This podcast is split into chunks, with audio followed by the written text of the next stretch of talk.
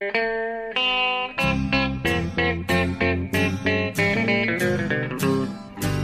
out there, we're on the air. It's hockey night tonight. Tension grows, the whistle blows, and the puck goes down the ice. The goalie jumps and the players bump, and the fans all go insane. Someone roars, Bobby scores at the good old hockey game. Oh, the good old hockey game is the best game you can name. Hallå, hallå, hallå, hallå, hallå, hallå, hallå, hallå, hallå, hallå. Hallå, hallå, hallå med extra mycket... Eh, eh, Emfas. Med emfas, ja. Vi Ja. understryker att nu, eh, nu sitter vi här och jublar i NHL-podcasten. Eh, Yes. Jag, Per Bjurman i New York och Jonathan Ondskan Mowgli Ekeliv i Stockholm. Vi är ju jävligt exalterade nu för, för nu är vi framme vid årets absolut största höjdpunkt, eller hur Jonte? Ja, nu är det ingen lunkig liksom, grundseriepodd här utan nu är det fet preview inför slutspelet. Vi är eh, supertaggade inför den här podden, känner jag i alla fall.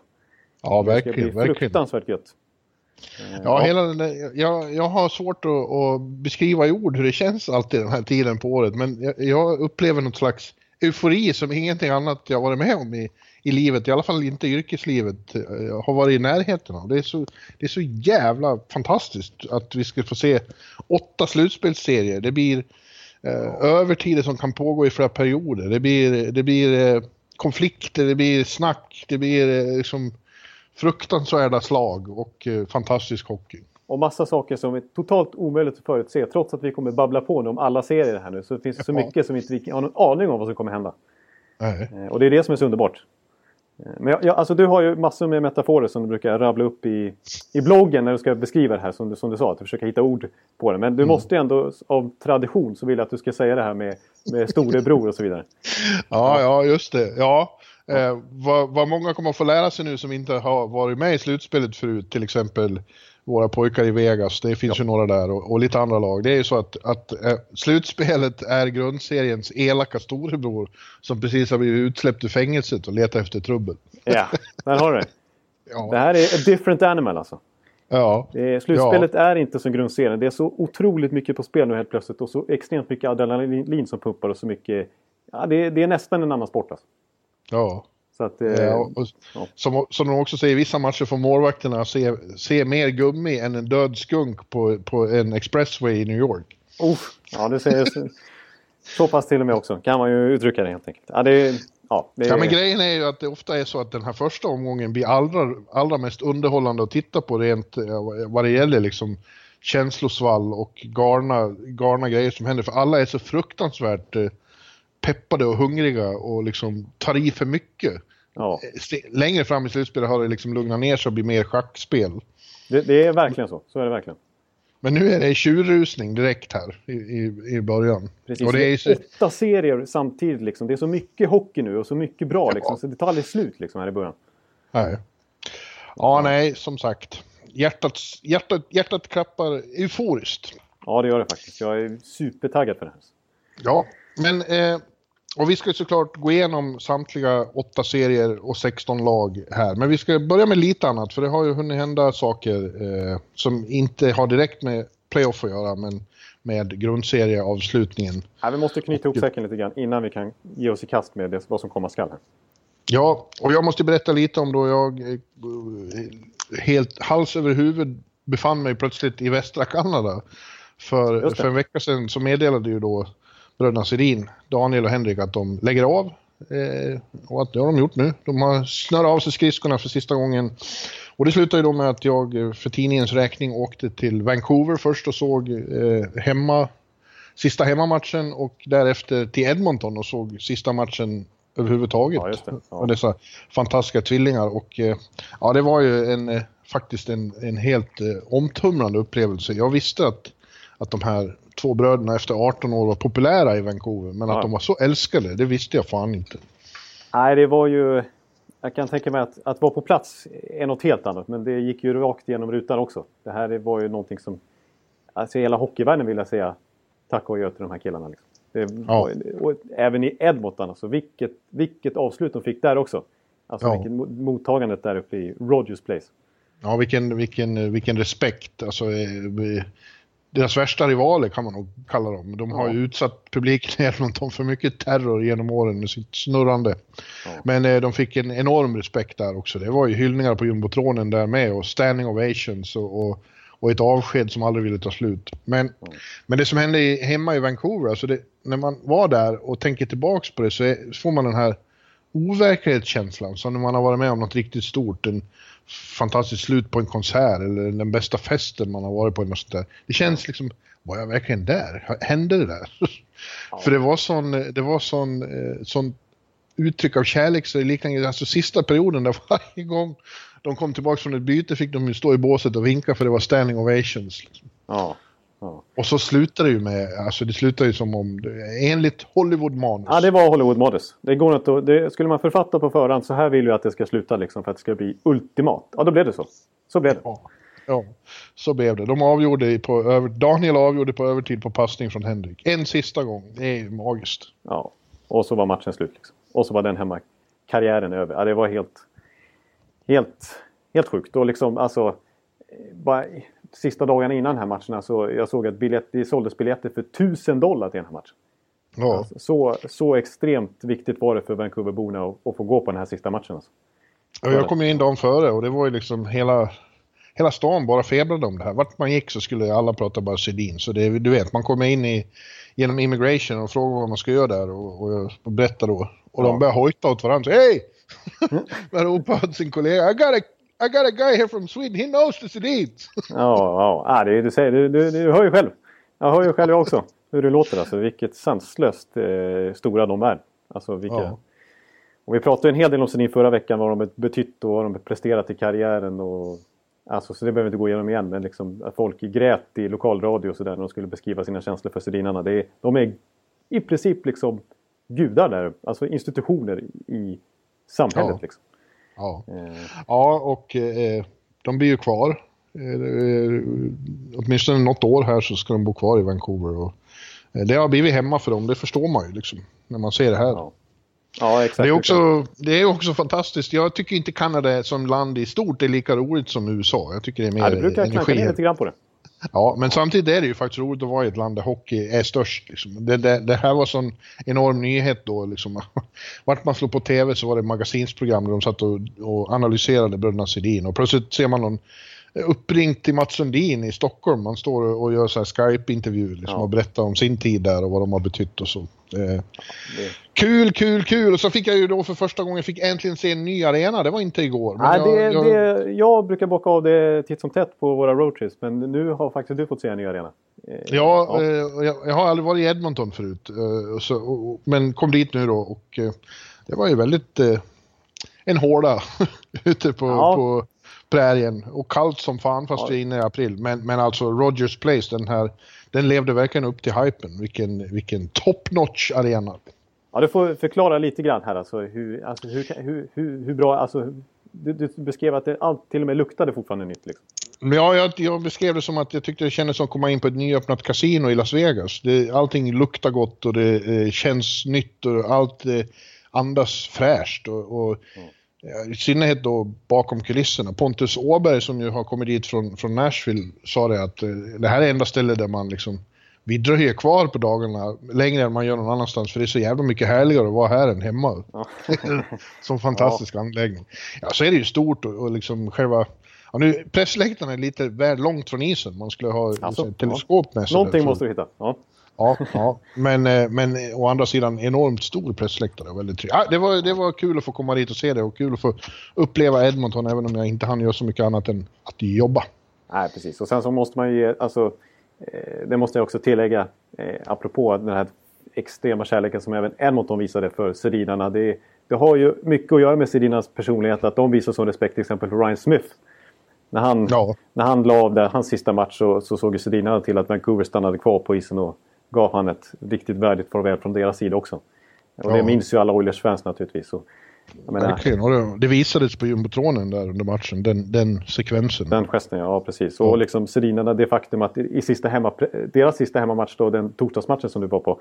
Eh, att de liksom, ja, sista pucken behåller de inte själva utan den ger de till Derek Dorsett som var tvungen att sluta på grund av skada. Liksom. Ja. Eh, eh, ja. De är ju extrt ja. osjälviska som gör att de blir så älskvärda. Liksom. Ja, verkligen, verkligen. Så är det. Ja. ja, det var ett, ett, ett, kapitel vi avslutade där. De har ridit in i, i, i, i skymningen och eh, två fantastiska karriärer över kan vi konstatera. Ja, tveklöst. tveklöst. Ja. Du, vi måste också titta i samma veva där då, sista omgången som jag var på Edmonton. Då, tidigare under dagen där på lördagen, då spelade Rangers sin sista match och, och gjorde en riktigt slät figur och fick stryk med 5-0 mot, mot eh, Philadelphia. Ja. Och några timmar senare kom då beskedet att Alain Vigneault eh, entledigas från sin tjänst som coach för Rangers. Ja. Han blev den första som fick sparken. Och, och, eh, direkt, det gick undan där. Ja, precis. Alltså, eh, I samband med det här brevet för två månader sedan när, Jeff Gorton och Rangers förklarade för sina säsongskortinnehavare att nu blir det en rebuild där, vi kommer vara dåliga i slutet av säsongen. Men i samma veva så skrev man också att ja, coaching-situationen den ska vi analysera efter säsongen, så tar vi då. Och det tog ja. några timmar så var Vigneault borta. Så det, det stökade de av direkt alltså. Ja, ja det var inte, inte särskilt oväntat. Alltså det, det har ju känts så länge nu att den här eh, snabba rebuilden de ska göra, den, den inkluderar inte Vigneault. Han är inte mannen som ska göra. Han har haft några fina år här nu och han tog dem till Stanley Cup-final första året och till konferensfinal året därpå. Han har en President's liksom... Trophy också faktiskt. Ja, sen har de stagnerat lite och blivit eh, sakta, sakta men säkert sämre. Det är inte bara varit hans fel, han har inte haft lika bra lag att jobba med heller. Men, men nu när de ska iscensätta det här, liksom, renoveringen och göra det snabbt och, och, och lägga st större tyngd vid att unga spelare får större roller. Ja. Eh, han passar inte för det. Han har, han har ju, han, han, vad han än säger själv så har han ju varit liksom inte bra mot unga spelare. De har ju inte utvecklats på det sätt som de skulle ha gjort under ett bättre befäl. Han har haft en alldeles för stor eh, långt kopper för gamla spelare och, och kort kopper för unga spelare. De gamla får göra vilka misstag som helst och spela vidare men om en Bushevnic gör något så får han sitta direkt. Så exakt. kan vi inte ha det. Fråga Vancouver-fansen för fem år sedan. Det var exakt samma tongångar där när han, fick, när han till slut lämnade den organisationen. Så det är ju, det är ju hans typ av ledarstil som, som är så här. Ja. Och, och då, då, funkar inte det när, i den fas som Rangers nu går in i. Han verkar inte inse det själv dock. Nej, han har aldrig klagat på sig själv. Utan tvärtom så sitter han på presskonferensen efter, att, eh, efter säsongens sista match när man förlorat med 5-0 och haft en katastrofal sista vecka och säsong överhuvudtaget. Och säger att ah, coachingstaben, det, det är nog eh, kanske Rangers största styrka. Ja. Så att, eh, vi ska vara kvar.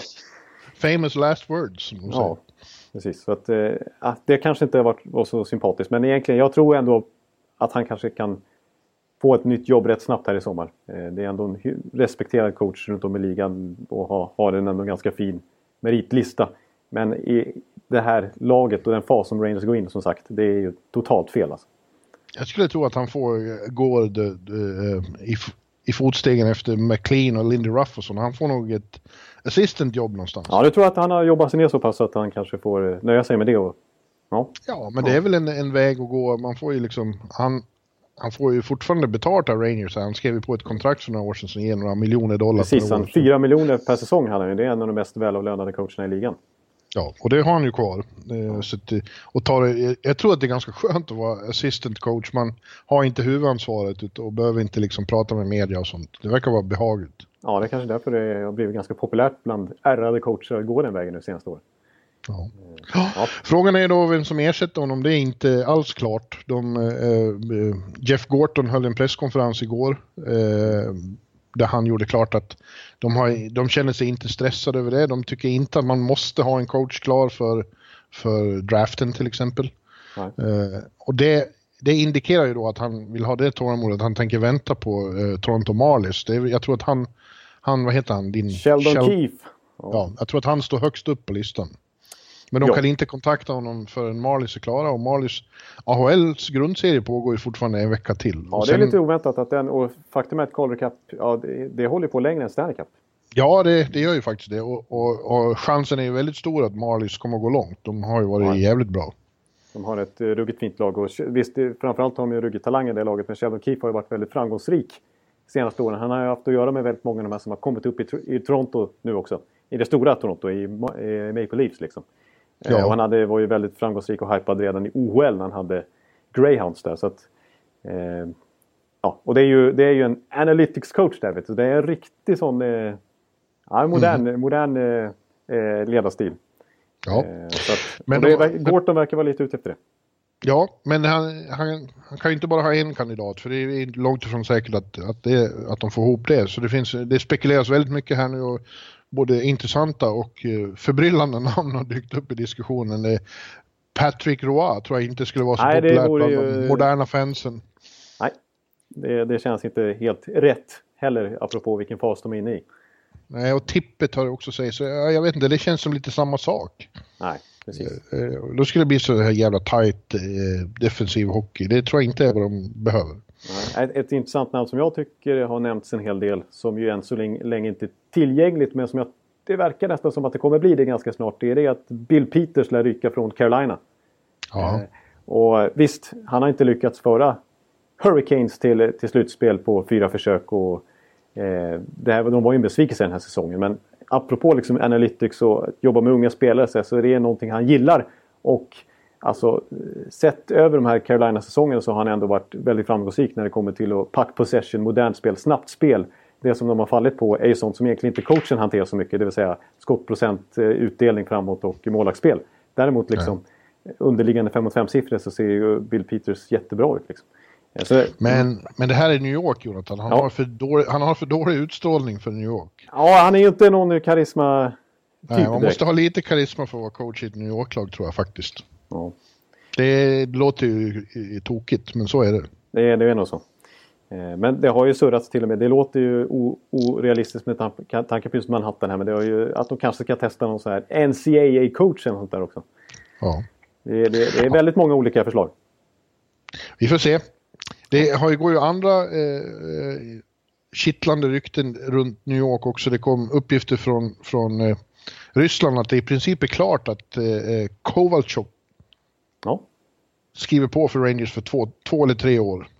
Ja. och, och det var ju många som höjde på ögonbrynen och tycker att det låter ju inte som eh, ungdomssatsning och rebuild precis. Han är 34 Ja. år och har varit i KHL några år nu. Men, men jag tycker nog tvärtom att det är ganska, låter ganska lovande för att det, det är, de kan inte bara ha 18 och 19-åringar i laget.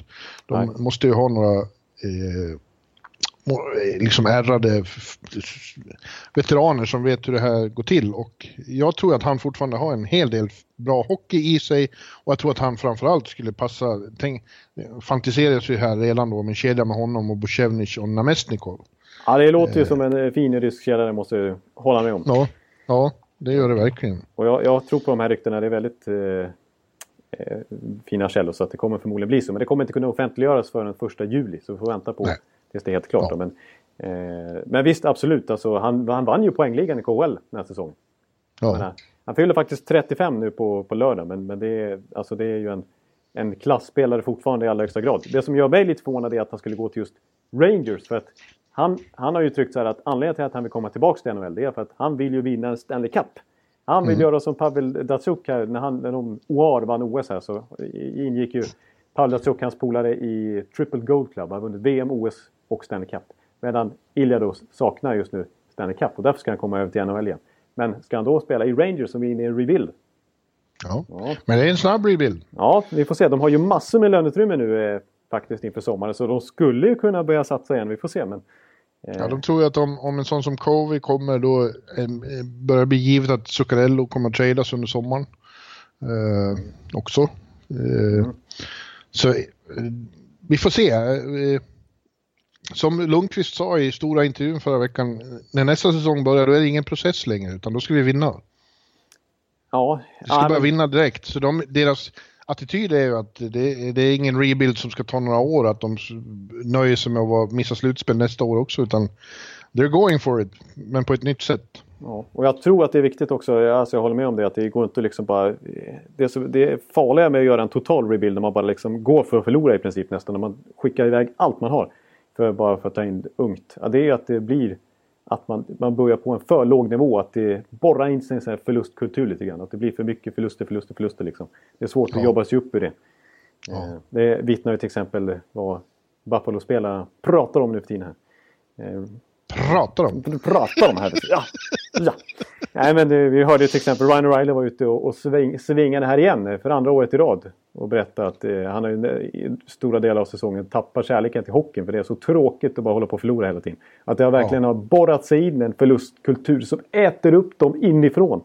Ja. Eh, och att, eh, ja, han, ja, han var stenhård. absolut. Eh, för nu Buffalo kommer ju alltså sist i år igen när de faktiskt skulle börja vinna den här säsongen.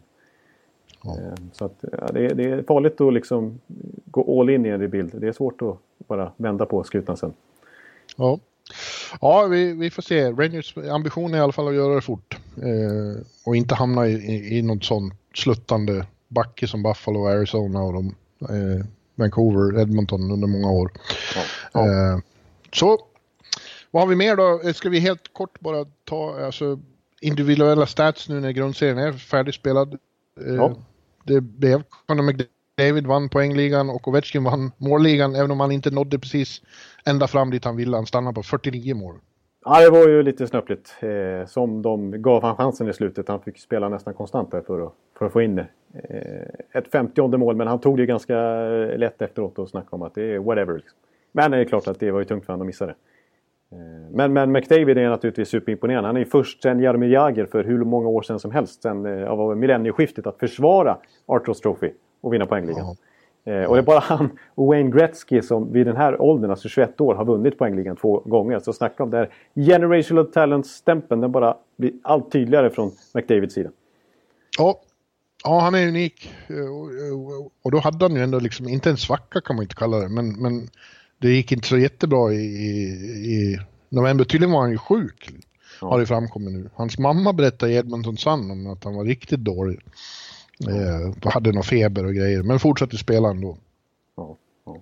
Nej, för nu sista, ja, den här sidan av året, 2018, så, så har han ju varit liksom... Ja. Alltså han är ju bäst. Han är ju världens bästa spelare. Man kommer ju...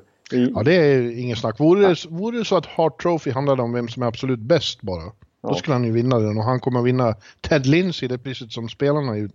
Men Hart handlar om vem som är eh, mest värdefull för sitt lag. Och det är ju nu en evig debatt om, om man nu är eh, mest värdefull för ett lag som är så långt från slutspel som Edmonton ändå är. Så då frågar man ju sig liksom, ja, då är det inte så värdefullt eh, ändå. Jag tycker att man ska åtminstone vara med i slutspelsdiskussionen. För, och, fast det där är ju känsligt, det blir, folk blir vansinniga. Ja, men jag, jag, håller med, jag håller med om det, jag tycker samma sak. Men jag, jag, tror att man pratar så mycket om Hart Trophy bara för att det är journalisterna som röstar. Det är vi, så det blir så mycket mer snack om det. Men egentligen borde ju Ted Lindsey ha enorm status. Det är ju spelarna själva som röstar fram det priset till den bästa spelaren. Så ja. menar, nöj, det kan man ju nöja sig med. Liksom. MVP är ett annat typ av pris. Ja. Så att jag, tycker inte det, jag tycker inte synd om McDavid om han inte vinner här. Det är, han, får ett enormt, han får det finaste priset. MVP är också väldigt fint men på ett annat sätt. Ja, att, eh, ja eh, och, och eh, ja, jag ska, jag, ikväll ska jag faktiskt eh, sätta ihop mig. Jag ska skicka in min röstsedel ikväll. Det är svårare än någonsin tycker jag. det är dags. Mm. Ja, spännande, spännande. Men du, innan, nu kanske vi börjar närma oss vår stora preview här. Eh, men... Ja, det kanske vi gör. Jag skulle bara säga också då att svenska poängligan var det ju William Karlsson och Wild Bild som vann både poängligan och målligan med sina fantastiska 43 mål. Det, det, vi har pratat mycket om det, men låt oss bara avsluta den diskussionen med den största guldstjärna vi kan ta fram och klistra rakt över plytet på honom. Ja. Vilken säsong! Ja, exakt. Är, vi har ju redan benämnt det som den största svenska sensationssäsongen någonsin och det är ju liksom ett understatement. Ja. Det här är, det är bara att gratulera. Han vinner ju poängligan. Alltså för ja. svenska spelare ganska klart. Oh. Och öser in, är, med, är alltså i slutskedet med nästan hotar om skytteliggatiteln till och med. Det är, ja. det är helt sjukt alltså. Helt sjukt. Eh, ja det är det och ja, vi kan väl bara nämna också då att John Klingberg till slut hamnar på delad andra plats i backarnas poängliga för John Karlsson fick en poäng till och han var på 68 och Eh, Berger och Brent Burns båda på 67 då. Men han vann ju backarnas assistliga med 59 assist. Han är också ja. värd en alldeles särskild applåd tycker jag. Ja, det, var, det får man säga. Och visst, Dallas kollapsade lite i slutet av säsongen men, men John Klingberg tog, alltså inte bara poängmässigt, även defensivt så gjorde han faktiskt en stark säsong. Även om det grumlas lite av eh, sista månaderna här. Men han har ju varit... Han har växt ut till en, ja, i det närmaste allround-back nu vill jag påstå. Ja, han är en av, en av Norris-kandidaterna, en av flera svenskar. Vi har ju Viktor också som eh, ligger väldigt bra till där. Ja, Erik gör ju en fin säsong också. Han har faktiskt bäst poängsnitt av alla backar. Han missar ju ett antal matcher här men... Eh, så att han, han var inte klappkassan heller om man säger så. Nej, det, det, det är ganska man... långt ifrån. Jag ska vilja nämna två spelare till som faktiskt inte är svenska som vi inte kommer prata mer om i NHL-sammanhang på det här viset. För de lägger också, när vi ändå pratar Sedina, det här är inte alls samma nivå men det är två fina eh, NHL-spelare som varit i ligan fruktansvärt länge nu som har annonserat att de lägger av. Så jag vill bara nämna att, att eh, Patrick Sharp med ändå tre Stanley Cup-titlar som var otroligt vital för Chicagos dynasti. Han var ju där från början. Han var ju, gick ju, alltså han var ju en av få som verkligen var med när de var så dåliga och på botten. Och gick och, ja. Han gick och skänkte biljetter på, på, på gatorna och var helt okänd. De visste inte vem det var. Vad är det för lallare som går runt och ger bort biljetter? Det var Patrick Sharp som spelade i laget.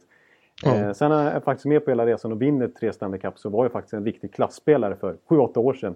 Eller ännu mindre än så. Eh, han lägger av. Eh, och ändå en fin karriär. Det är lite synd, man liksom tänker inte på dem som fantastiska spelare nu när de har haft lite tungt på slutet. Det blir ju ofta så. Sen, även, även en annan väldigt speciell spelare som har proklamerat att han slutar. Det är ju Radin Verbata som är så speciell spelare som... Alltså som, alltså som, som var i så många klubbar. Som var i så många klubbar. Men det var bara i Arizona av alla möjliga klubbar som han lyckades alltså. Han, han, alltså, hans poängsnitt är, han spelade över tusen matcher, Radin Verbata, sedan början av 2000-talet. Eh, I Arizona så hade han 0,67 poäng i snitt. Väldigt bra, väldigt bra. Eh, över 500 matcher. Eh, medan i andra klubbar, alltså han var i Colorado, Carolina, Chicago, Tampa, Vancouver, slutade i Florida. Ja, där hade ja han vi bara... pratade om det. Det är Arizona han skulle ha stannat hela tiden. Ja, där hade han bara 0,50. Eh, alltså enormt eh, skillnad i poängsnitt beroende på vart, om man var i Arizona eller om man var i alla de andra klubbarna. Så att, en ja. speciell karriär som också är till ända. Han flyttade hem till Tjeckien. Ja. Ja, det, är nog, det kommer nog fler sådana besked framöver här. Det är några oldtimers som... Eh, som, ja. Som lägger skridskorna på hyllan. Det är dags. Ja, och det ja. får man säga. Ja. Du, eh, eh, vi ska säga en sak till här innan vi går in på, på våran preview mer ja. grundligt. Och det är att eh, det är lite nyheter med min blogg, NHL-bloggen vi, vi, har tagit beslutet att eh, den under slutspelet eh, så kommer man att behöva vara eh, pluskund hos Aftonbladet för att ta del av bloggen. Ja. Eh, det låter kanske lite tråkigt för många men, men eh, eh, verkligheten är som den är. Bloggen måste generera lite intäkter för att, för att jag ska kunna göra den på gammalt sedvanligt sätt och åka runt lite och så. Ja. Och, eh, 59 kronor är väl inte så hemskt mycket kan man tycka. Och då, får man, eh, då, då, får man ju ett väldigt fint eh, plusabonnemang där massor av annat ingår också. Men, men, eh, Framförallt men, bloggen. Framförallt bloggen. Ja, det här tillkännagavs ju igår, igår då. Jag gick ut på Twitter och berättade om det här och jag var ju beredd på en, en skitstorm att det skulle ja, få... Nu, nu, nu blir det... Nu går, folk, vänder sig folk emot dig Henrik. Ja, och det var väl en och annan som tyckte att det var värdelöst och så, men framförallt så eh, visades ju en sån kärlek och eh, positiv inställning så jag varit alldeles förbluffad och rörd och folk sa att ja det är ju ingen snack om saken, man måste vara med i bloggen under slutspelet. Ja. Fantastiskt, fantastisk reaktion, jag tackar för den och, eh, och säg åt er som lyssnar att för fan, hissa lädret, upp med 59 spänn. Ja, det är faktiskt inte så farligt ändå med tanke på månadskostnad och att du kan köra den här bloggen nu i hela slutspelet. Ja, två månaders eh, eh, hardcore eh, bloggning blir det ju nu, alltså under den bästa tiden på året. För nu är det slutspel Jonathan, nu säger vi det igen, för nu ska vi ta oss en titt på de här åtta fantastiska serierna vi har framför oss i ja. första omgången.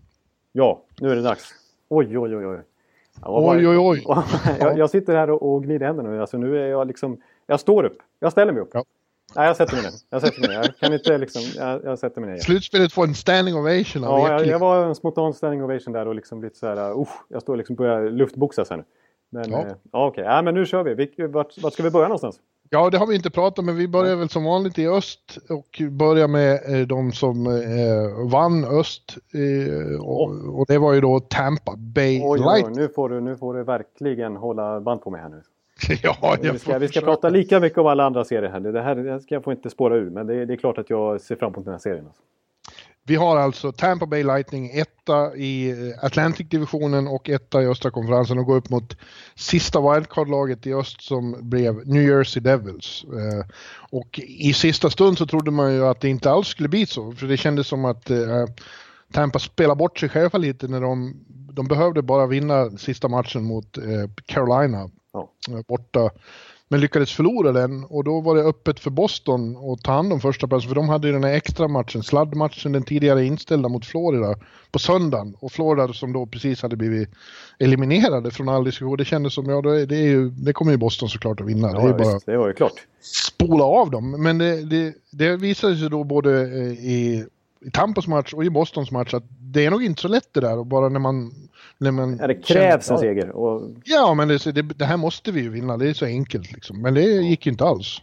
Florida var jävligt motiverade mot Boston såg det ut som. Ja, de, de spelar, alltså Florida, vilken avslutning på säsongen. De vinner sina fem sista matcher. De har ett record som är näst bäst i ligan sedan februari, januari någonting. Eh, de tar ja. 96 poäng och det är mest... Det har bara hänt en gång tidigare att ett lag har tagit så mycket poäng och inte gått till slutspel. Så man tycker lite synd om Panthers. Men de gör en otrolig ja. avslutning ändå. Ja, jag hoppas det satte tonen nästa år, för det, det sa de ju själva att nu ska vi komma ihåg hur bittert det här känns och bli, spela bättre hela den säsongen. Det finns ju potential där, that's for sure. Ja, precis. Jag, men i sammanhanget, i och med att de vann här, så vill jag bara säga det, för jag såg i bloggen att det skrev så här, att eh, så här skrev Per Bjurman då, eh, apropå chanserna. Han skrev att det, det, det, är lika stor chans att jag får en roll i Baywatch eh, som att eh, Florida vinner den här matchen. Så att jag, jag väntar då på att eh, när du ska dyka upp där och och köra en liten Baywatch... Eh, eh du vill se mig i tajta badbyxor ja, det, springa det, det, det förväntar jag mig nu. Det, det var ju lika troligt då så att jag, jag, jag ser framför mig här eh, Beach 2018 här att, att Bjurman dyker upp på en rulle någonstans. Ja. jag springer i slow motion med Pamela Anderson. Ja, det, det, det ja. tror jag. Det kan vi förvänta oss nu. Ja, det, det får väl bli ett löfte då. Det kommer. Det kommer. Ja, bra. Om Pamela ställer upp. Ja, det återstår att se, men det kanske, det löser vi. Tänk ja. att du skulle ta upp det också. Ja, jag var tvungen att göra det. Ja. ja, men som sagt, nu är det Tampa mot New Jersey och eh, ja, på pappret och om man ser till hur Tampa var i november och december eh, när de var som bäst så känns det ju som en, en uh, sweep. Men uh, det kan vi glömma, tror jag. Ja, Nej, det blir tufft det här, det här New Jersey-laget. Har vi, vi har ju sett dem flera gånger på slutet och blivit imponerade varje gång. Ja. Och eh, de har ju faktiskt slagit Tampa tre av tre matcher också den här säsongen. Ja. Eh, ja, jag tror att Tam New Jersey drog en lättnadens suck faktiskt när de fick Tampa istället för Boston. Boston hade, inte för att Tampa är lätt, men, men de trivs nog lite bättre mot Tampa än mot Boston. Ja, jag tror de känner mentalt att de har större chans i den här serien. Ja, samtidigt som Tampa förmodligen också eh, drog lite, jubla lite ja. för att slippa Toronto. Jag tror att de hellre spelar mot New Jersey. Så vi får väl se vem som, ja. vem som eh, ska vara careful what you wish for. jo, nej, så är det ju. Precis. Alltså, jag tror båda, båda känner nog att det här var bra utgång. Liksom, att de har chansen ja. i den här serien. Eh, men det är klart, jag, eh, alltså Ja men låt oss säga så här. Ja. Visst, Tampa var, vi kallar dem världens bästa lag i höstas och de såg ju fruktansvärt bra ut. Men det har ju svajat lite efter jul och, och, då och då. Och ja. de backar ju in i den här första platsen genom att de tar första platsen genom att Boston förlorar. Inte, inte kommer de in på bästa sätt inte. Nej precis, och de, det, försvarsspelet har ju varit rätt så bedrövligt fast faktiskt sista två månaderna. Så de, det, bara som mot Buffalo här veckan släpper in fem mål på hemmaplan och håller på att förlora den matchen. Och förlorar hemma mot Arizona en viktig match. Eh, ja. Och det har rasslat in mål mot eh, Islanders, mot Philly. Det är liksom 6-7 mål som Vasilevski släpper in och hans statistik har ju gått från Vessina-mässig till att ja, knappt vara nominerad nu. Eh, och, alltså en sån sak som boxplay till exempel är ju riktigt dåligt. Tampas boxplay är faktiskt ja, det är rankat 28 av 31 lag i ligan så det är ett jätteproblem det också faktiskt. Är det, sämst, det måste vara sämsta slutspelslaget? Ja, det måste nästan vara faktiskt. Eh, ja. det, det, är ett problem och tyvärr har de inte riktigt hittat dynamiken i backparen heller sedan McDonough kom in. Alltså man trodde att det skulle vara en, en jätteförstärkning men, men eh, de återförenade ju det gamla McDonough Girardi som inte var någon succé sista året i Rangers. Och det gick ju inget bra i Tampa det heller kan vi säga. Nej. Eh, nu är det Nej, det, mm. det, har inte blivit det lyft som man trodde att Erik Karlsson hade blivit. Liksom. Nej, precis. Det, det, får man nog ändå säga att det är lite klasskillnad på de två. Eh, även om att, jag tycker ändå att McDonald, man ser att det finns klass i honom. Att, alltså, han är otroligt lugn med pucken också. Eh, Ja. Svårpasserad eh, också Ja. i sitt defensiva arbete. Men eh, än så länge, de måste hitta nu. Nu går de in i det här slutspelet med McDonough och Strålman och det känns som ett otroligt stabilt backpar. Medan faktiskt Gerard har blivit befordrad till att spela med Hedman.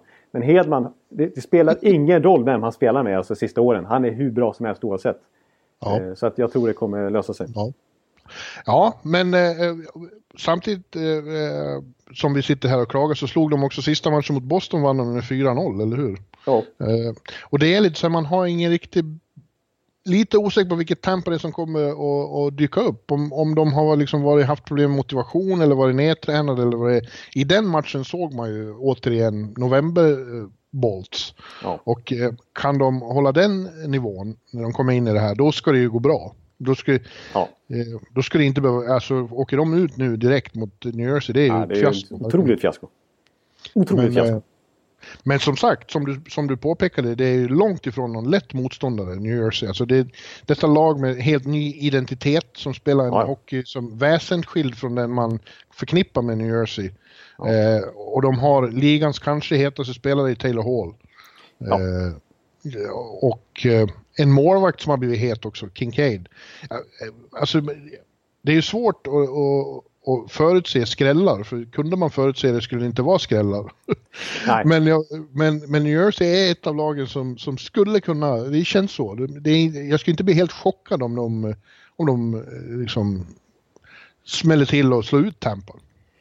De har Nej. ingenting att förlora heller. Nej, nej de, de, är, har- de har verkligen ingenting att förlora. Det har de. de är Eh, flera steg före än vad, vad alla, inklusive de själva, trodde att de skulle vara i, i utvecklingen. Liksom. Så det är ingen katastrof alls för dem om de åker ur första omgången här.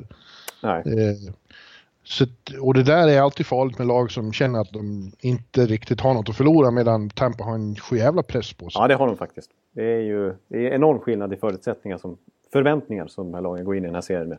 Eh, nej, alltså New Jersey, alltså...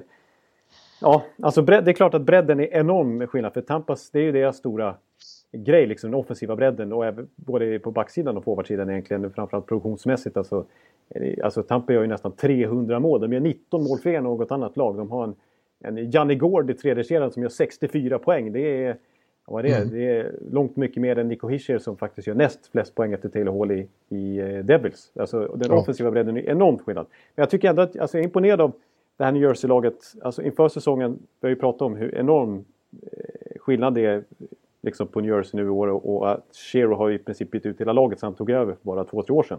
Men eh, alltså, det, det som är lite bortglömt kanske är, tycker jag i alla fall, som inte jag har tänkt så mycket på egentligen är hur många oväntade spelare som har klivit fram och gjort det extremt bra för Devils den här säsongen som, som har varit i organisationen ett tag. Jag tänker på en eh, vi, alltså typ Miles Wood som gör 19 mål den här säsongen. Det var ju Mm. inget vi pratade om inför så att eh, Miles Wood kan ändå göra upp mot 20 mål och eh, Blake Coleman han kan göra klassmål och... Ja, och, vår och vän Coleman som jag tycker är en, namnet på en butler. Ja, ja visst. Precis som... Alltså den kedjan har ju varit fantastiskt bra mot toppmotstånd. Alltså Sajak Coleman och eh, Stefan Nason. Också en sån här spelare som har kastats runt för att bli draftad av Ottawa, hamna i, i Anaheim med den här Silverberg Bob Ryan-traden. Funkar inte där, skickas till New Jersey. Är där i några år och pendlar mellan AHL och NHL. Och precis nu i år så kommer han upp i en 30 poäng liksom helt plötsligt. Och funkar Ja. jättebra i en shutdown-roll. Och vi har Brian Gibbons, vi har... Eh, jag menar, sådana här spelare som Jimmy har- Hayes och Drew Stafford som de tog in inför säsongen. De har ju blivit utkonkurrerade av, av den här typen av spelare helt plötsligt. Ja. Och så får ju Tampa stöta på en gammal vän eh, som alltid är extremt bra i slutspel och det är Brian Boyle. Eh, han brukar lyfta fantastiskt mycket på den här och, och är en fruktansvärt jobbig motståndare att ha mot sig i tajta slutspelsmatcher. Ja, exakt. Nej, han, är, han är ju en slutspelsspecialist. Alltså. Han var ju Ja. fantastisk i Tampa, han var fantastisk i Rangers inte minst. Eh, Toronto tog han innan i fjol och gjorde en ganska bra serie där också. Han var instrumental som de säger för Rangers de där åren när de gick långt.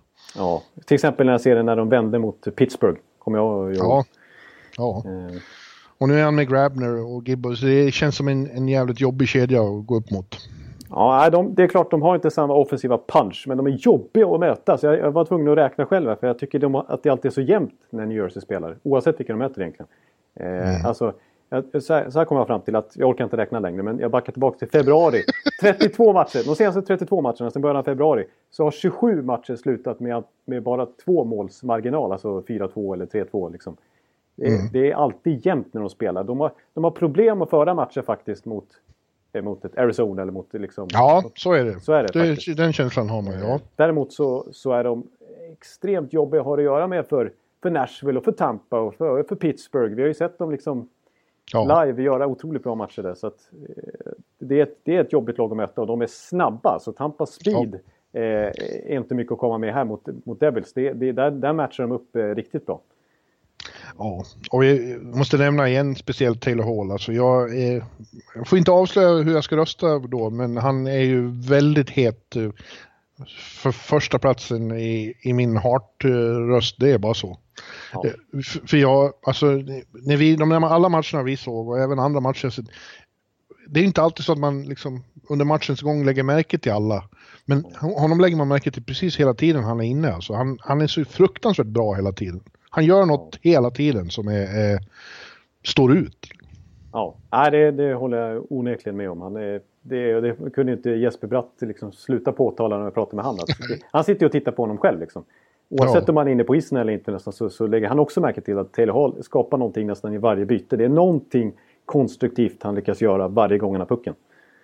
Eh, så att han är, det är ju en Ja, jag, en jag är heart. grymt imponerad. Jag trodde inte... Jag, jag visste inte att han var så här bra. Liksom. Eh, men det här har ju varit hans stora genombrottssäsong får man säga. Eller, alltså, han har ju varit stor förut också men, men, men, men inte så här dominerande. Han har alltid haft kritiker men nu är det ingen som kan kritisera honom längre. Nej, verkligen inte. Nej, eh, fantastiskt, eh, fantastiskt imponerande. Ja. Men om vi ska tippa då. Ja.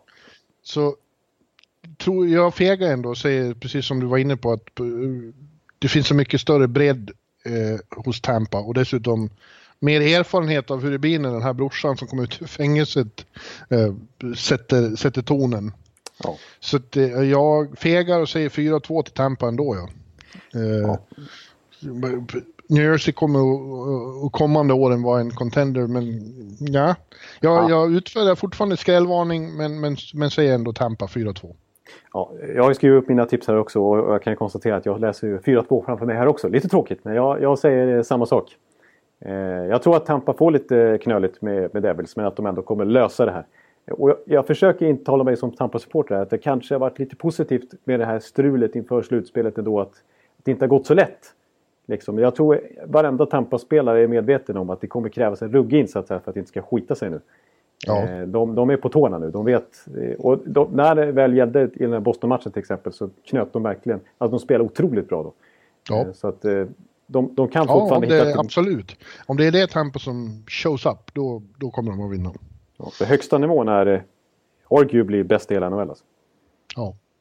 Ja. ja. det håller jag med om. Och, eh, men liten skrällvarning ändå. Ja, det, det, det, det är inte... Men vad säger du då? Du måste, jag sa 4-2, du måste säga något. Ja, jag säger 4-2, absolut. Ja, bra. Vi är överens. Ja, men du, eh, sen har vi då eh, Nästa serie vi tar en titt på är den andra där då i Atlantic.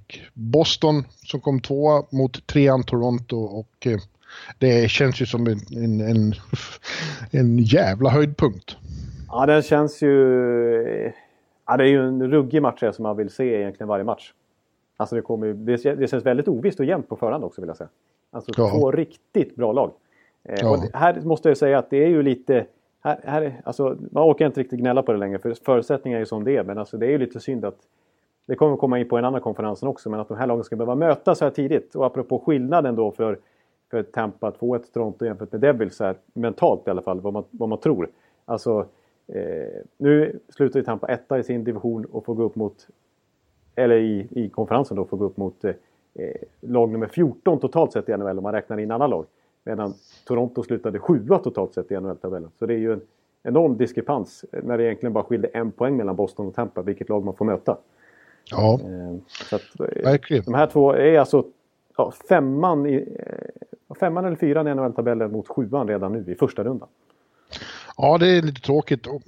Men det är lite samma sak här som det vi pratade om nyss. Att båda de här lagen suckar Det här var inte den motståndare de ville ha. Toronto ville hellre ha Tampa, det kan jag försäkra ja, jag tror, det, det, det ser jag också.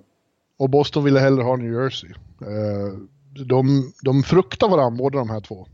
Ja, eh, ja absolut. Och, det, det är ju en, en, en speciell dimension också. Och Ja, det, det, ska bli intressant för det är ju två lite motsatta ideologier som möts här också.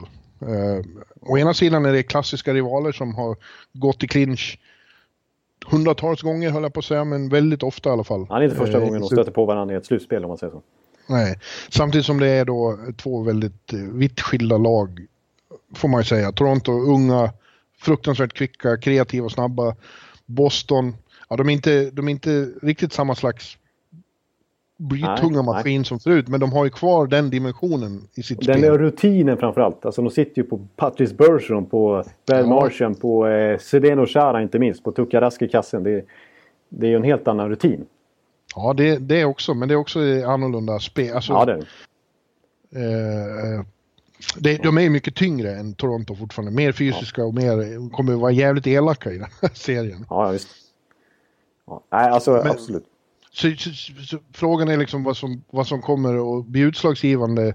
Torontos speed och kreativitet eller Bostons eh, mer, eh, mer fysiska samtidigt snabba och, och kreativa spel. Det, det, är väldigt svårt tycker jag att förutsäga men eh, ja, Boston har ju kanske andra halvan av säsongen så har de ju sett bäst ut i hela ligan. Ja, alltså precis. Alltså, de förtjänar nästan tyckte jag att ta den här första platsen om jag ska vara objektiv här. Det kändes som att de, de, de lyckades slarva bort det i sista matchen men de har ju varit så ruggigt bra här. Alltså, de har bara förlorat 9-10 matcher under ordinarie tid under 2018. Och egentligen ja. ända sedan december, slutet av november så har de ju varit fantastiskt bra. Ja. Eh, de känns lite som the team to beat i East. Ja. Det hade jag definitivt sagt om de, bara inte hade, om de faktiskt hade varit etta i konferensen också. Men jag vågar säga det ändå. Och eh, de har ligans bästa kedja törs jag nog säga i, i ja. när alla är friska och hela där. Marchand, Bergeron och Pasternak. Ja. Den är mördande. Ja, den är fruktansvärd att möta för de är så otroligt svåra att komma åt. Och samtidigt är de väldigt potenta offensivt. Alltså, ja. det, alla de där tre är ju sådana fruktansvärt bra offensiva spelare också. Liksom. Ja, och samtidigt har de då bra bredd och djup också, uh, secondary scoring. Inte minst nu om Rick Nash då som de trailade till sig från Rangers hinner bli frisk till slutspelet. Då har de honom i, i, i andra kedjan. Liksom. Ja, nej, jag såg deras, deras lines som de tränar med inför slutspelet här och där, då är Rick Nash med. Ja. Eh, och de, de, alltså det är ju kul att se det här Boston-laget som formeras nu när de faktiskt är rätt så skadefria. Alltså för att vara Boston, jag menar nu åkte de ju bara för att eh, någon kom, liksom, McEvoy och Shara kom tillbaks. Ja, då bryter ju Brandon Carlo anken och Riley Nash får ett skott av Torrey Krug på örat som måste sy 40 stygn liksom. Så det har ju knappt velat sluta de här skadorna. Men nu ser det ändå, för att vara Boston, relativt bra ut här. Och jag menar, nu är det faktiskt till, till och med så att utifrån träningens kedjorna så får inte ens Ryan Donato plats. Sensation, Nej, sensationsspelaren Så att det, det, de har en fin bredd nu. Ja, verkligen. Eh, och det, det, måste jag säga, apropå det här med att man kanske inte ser dem som ett ungt lag. Så här, men faktum är att på grund av alla skador så har ju Boston är faktiskt det lag som har fått använda sig av flest rookies under hela den här grundseriesäsongen. Jag menar, ja. Heinen, DeBrusk, just Donato, McEvoy är ju faktiskt rookie trots att han känns som en superveteran spelmässigt. Ja. Eh, en sån som Matt Gruselsic på backen som man knappt har pratat om heller som gjort en jättefin säsong och kommit upp i år. Nej, det där har ju också varit en del av storyn, absolut. Att, att så många unga har tagit sådana stora kliv framåt. Mm. DeBrusky till exempel, jag är väldigt imponerad av. Ja, han kommer upp och gör 40 poäng liksom, eller vad han nu slutar på. Eh, han har ju också haft skadeproblem bara för det, men... Eh, det är... Ja. ja. de har ju det, det är ju det. De har liksom, jag säger det, de har Pasternak, de har eh, sådana kvicka, kreativa, unga spelare. Liksom, samtidigt som de har brutaliteten hos uh, alltså David Backes. Backes glömmer man ju bort. Han är ju så, ja. så mycket Bruins det går egentligen. Ja. Och, och, faktiskt var det väldigt bra den här säsongen. Och samtidigt den, den vidrigaste, höll jag på att säga, den, ja, den, provo den värsta provokatören av dem alla är ju Brad Marchand. Råttan! Marchand, eller vad du... Ja. ja. det går inte att säga, men det är ju en, alltså, det är ju en eh, usch vad han ställer till med, med skit. Men det är ju, alltså, det, det är ju en ruggig fördel då för Boston att ha han i sitt lag. För att han är så otroligt bra offensivt. Han, är verkligen, han har ju fullständigt exploderat poängmässigt senaste åren. Mm. Tagit sig till en helt ny nivå. Och så har han fortfarande han håller... kvar. Alltså hans tävlingsinstinkt är ju vansinnig. Bara han håller sig i skinnet för att det, han har ju ögonen på sig nu efter eh, det finns ju viss medial press och press från ja. omvärlden att han har kommit billigt undan med en massa skit den här säsongen och, och gör han något riktigt illa i början här då kan det bli en lång avstängning. Ja, precis. För ska man gå efter liksom, eh, alltså historik, då ligger inte han bra till. Alltså, han, han förtjänar verkligen en betydligt längre avstängning än vad han har fått nu för allt vad han har ställt till med bara den här säsongen. Ja. Eh, fråga Marcus Johansson till exempel. Ja. Men du, eh, samtidigt då Toronto, Boston har varit ett av de bästa lagen genom hela ligan, men det känns som Boston har blivit, eller Toronto har blivit hetare och hetare ju närmare slutspelet vi har kommit. Eh, och det, de har ju en uppsättning unga artister som måste sätta skräck i, i vilken motståndare som helst. Ja, jag är livrädd för Toronto, så jag måste erkänna att jag är, andas ut lite grann när, det blev Devils istället. För Torontos offensiv är man ju skraj för. Ja, jag tror ju faktiskt att eh, hade det blivit Toronto-Tampa då hade jag chansat på att eh, Toronto skulle skrälla mot Tampa faktiskt. Mm. Det tror jag de eh, har förutsättningarna, det hade de haft förutsättningarna för. Jag tror det blir lite tuffare mot Boston eh, faktiskt. Om man tänker sig, ja, vi har alla de här eh, offensiva stjärnorna i Matthews och Nylander och Marner. Men om man tittar på backsidan som nu ska stå upp mot Pasternak, eh, Bergeron, Marchand och så vidare. Ja. Uh, Backis och company. Krejci. Krejci och Rick Nash. Mm. Det ser för tunt ut på backsidan fortfarande hos Toronto.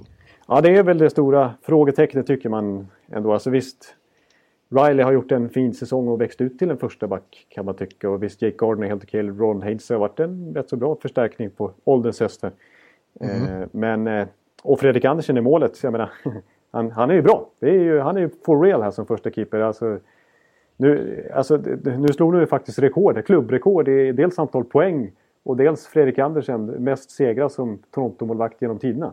Mm. Men jag tror att det kanske säger lite mer om Torontos historia än vad det gör om årets Toronto. Man har ändå ett hundra år på sig och de slutar bara sjua i NHL år.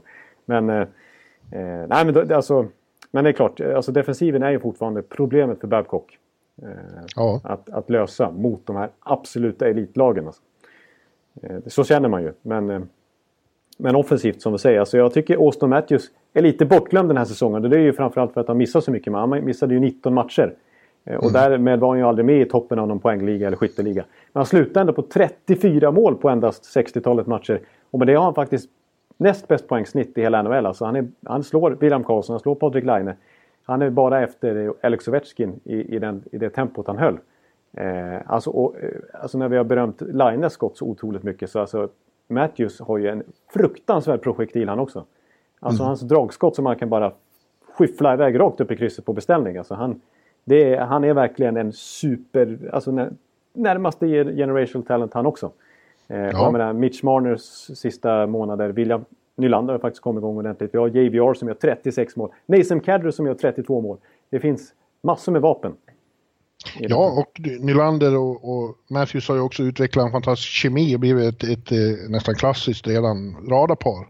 Ja, absolut. Och jag, jag, tror att de kommer att vinna några matcher i den här serien på, på ren ja, på, skills och på hunger och på entusiasm och på att det är så fruktansvärt roligt att få vara med om det här. Men in the end så tror jag att Boston kommer att mala ner dem och kanske blir det ändå sju matcher och så vinner Boston sista hemma på TD Garden med 3-1. Så, gör så 4-3 i serien och 3-1 i sjunde matchen. Tänk om de gör precis som den där eh, 2013-serien, senast de möttes.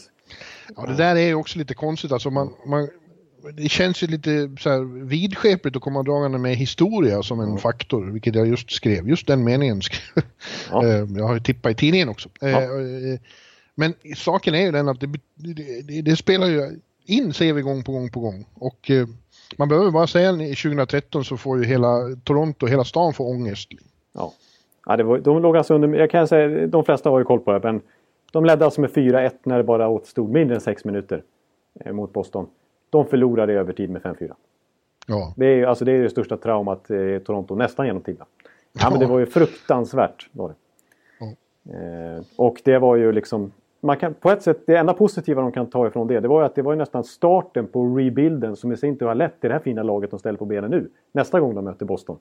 För att mm. det, var ett, eh, det var ju Phil Kessel och Dion Phaneufs lag. Eh, nu är det Matthews, Nylanders och Marners lag. Eh, ja. Fem, sex år senare här. Så att...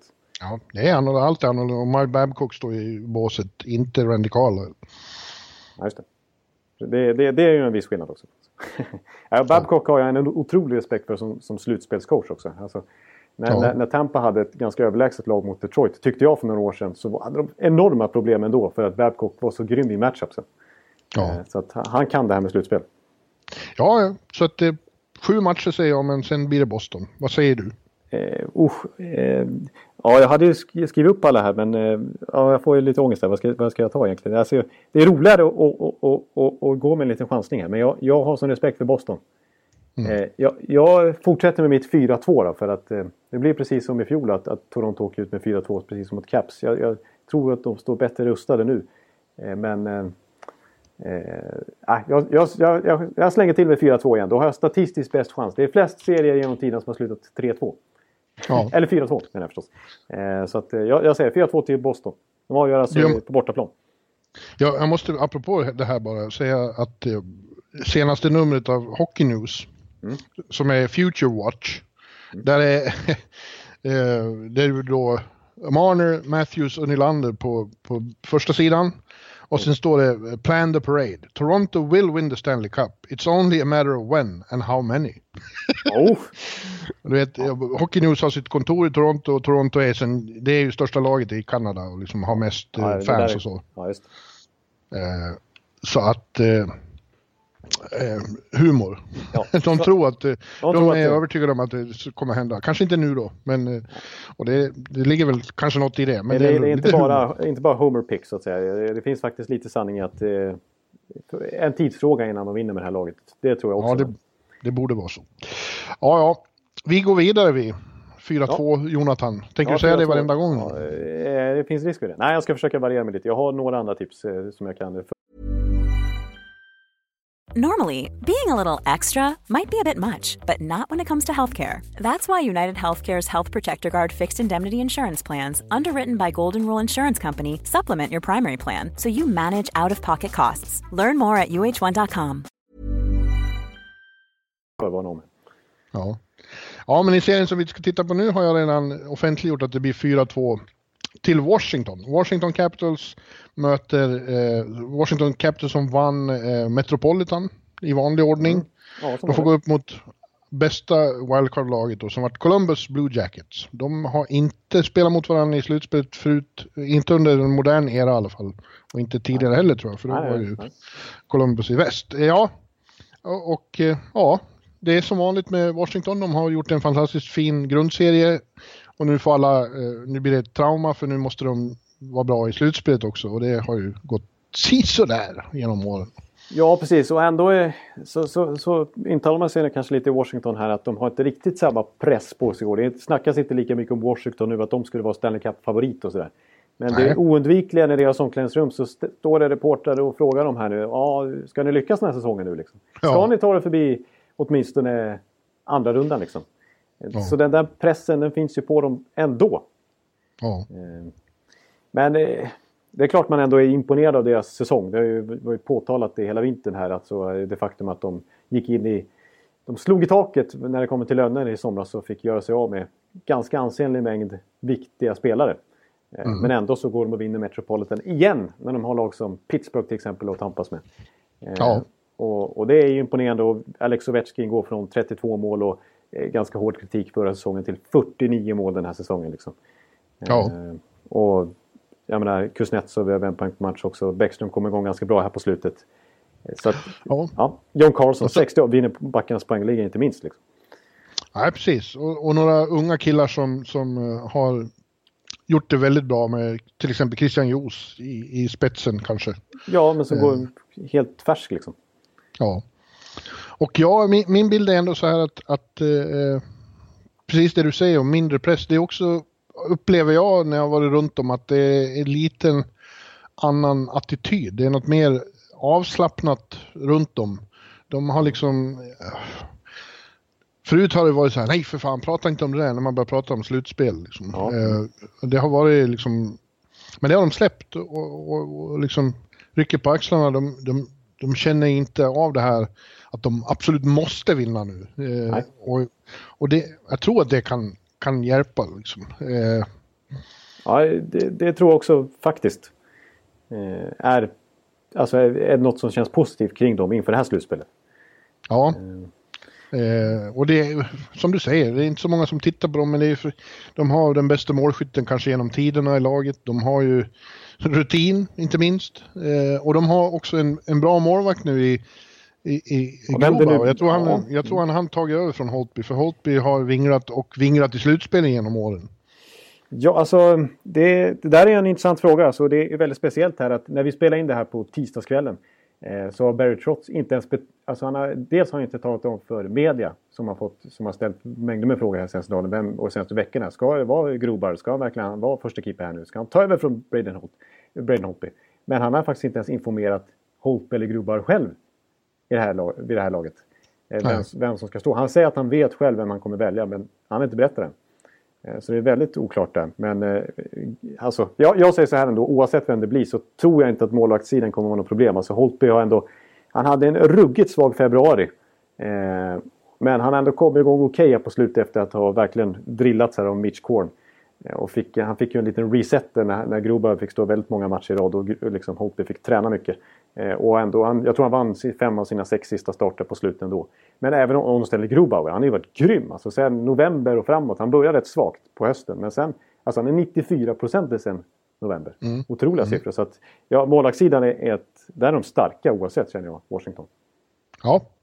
Ja, men de har en motståndare också som vi inte ens har nämnt än. Nej. och det är Columbus Blue Jackets och det är ingen rolig motståndare att ha. Som alla Tortorella-lag så är de eh, fruktansvärt starka, eh, outtröttliga och slutar aldrig spela.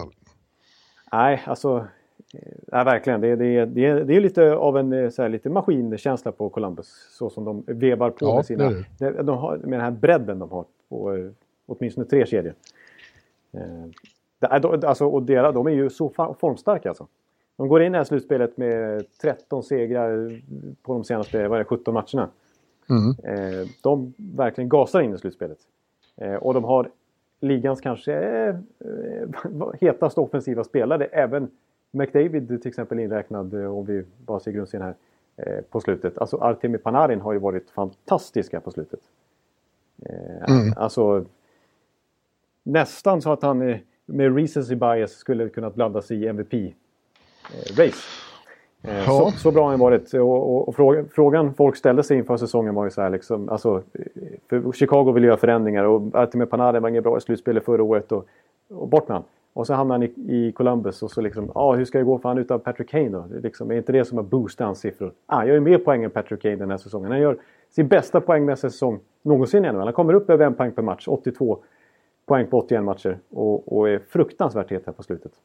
Jävlar vad du pratar. Ja, nu fick jag... Men du, du ser, jag, jag, är nästan så att jag står upp nu igen. Så ja. nu sätter jag mig ner och så andas ut lite grann. Ja. Ja, eh, det är ett väldigt bra byggt lag också och, och bra på backsidan. De har ju ett av de allra bästa backparen i Zach Wierenski och Seth Jones som på slutet har blandat sig i Norris Trophy-diskussionen också. Absolut. Ja, jävligt bra. Och så, och så har de en målvakt som heter Sergej Bobrovski och man, man vet aldrig med honom. Är det rätt? Eh, kommer han in rätt så kan han vara fruktansvärt bäst i universum. Ja, han sitter ju på dubbla sina eh, troféer. Eh, ja. Han har ju en enorm högsta nivå. Samtidigt i slutspel då så har han bara vunnit 3 av 18 matcher historiskt sett. Och ingen rolig procent. Men, eh, men det, i, i, grunden så, så vill man ju tro att de har en, en jättestark målvaktssida. Liksom, när de kan ställa Bobolski där. Ja. Ja, det, kommer att bli, det kommer att bli jävligt tufft för Washington men jag tror ändå att de eh, borde ta sig förbi första rundan. De brukar ju ta sig förbi första rundan åtminstone. Och med, med, de har fler vapen känns det som ändå än Columbus. Ja, för Columbus, alltså man, man, vi har ju berömt deras bredd liksom. Men visst, för att, alltså, Wennberg kom igång lite grann här när han parats ihop med eh, Vanek efter deadline. Alltså deras förstärkningar har ju verkligen livat upp där. Alltså, Dels Vanek som ja. jag nämner. Ian Cole har ju varit bra på backsidan också. Mark Letesto lite bredd där i, djupt i, ner i kedjehierarkin. Ehm, och liksom, nu kommer faktiskt, eh, som jag ser som en liten slutspelsjoker, en lite halvpersonlig favorit för mig, Josh Anderson som kommer tillbaka från skada här nu och är med. Ehm, och då, Annars är Boone Jenner din Ja, Boone Jenner är min absoluta favorit. Men, men Josh Anderson är ju Tortorellas absoluta favorit. Det var ju han som jag har pratat om så många gånger i podden och stred och kämpade så mycket för för att inte bli av med till Vegas. Ni kan ta William Karlsson. Ta han, det är lugnt. Men mm. inte Josh Anderson. Han får ni inte ta.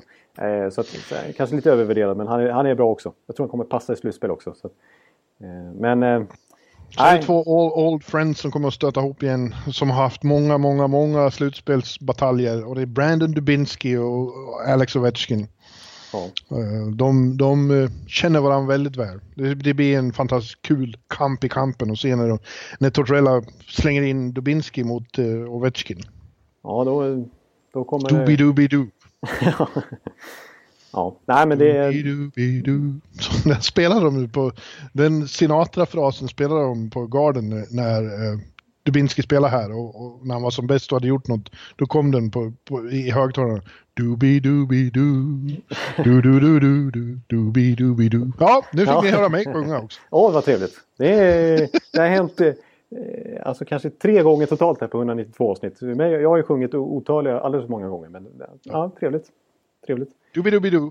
Ja. Ja, jag tror dock, jag säger att eh, ja, det, det är absolut inte otänkbart med skrällar här heller. Men eh, jag säger att Washington vinner med 4-2. Tråkigt tips, men jag säger 4-2. Ja, jag, jag hade bestämt mig för att tippa Washington, men jag har bestämt mig för nu att jag ska bryta det så att det blir lite, lite förändringar här. För jag, jag blir inte chockad ändå om Columbus skulle ta det här. Och apropå Nej. Doobie-Doobie-Doo så tycker jag att eh, Doobie-Doobie-Dubois kanske är den nya liksom Doobie där. Alltså, han tror jag kommer vara elak och jobbig att ha att göra med ett slutspel också. Ja.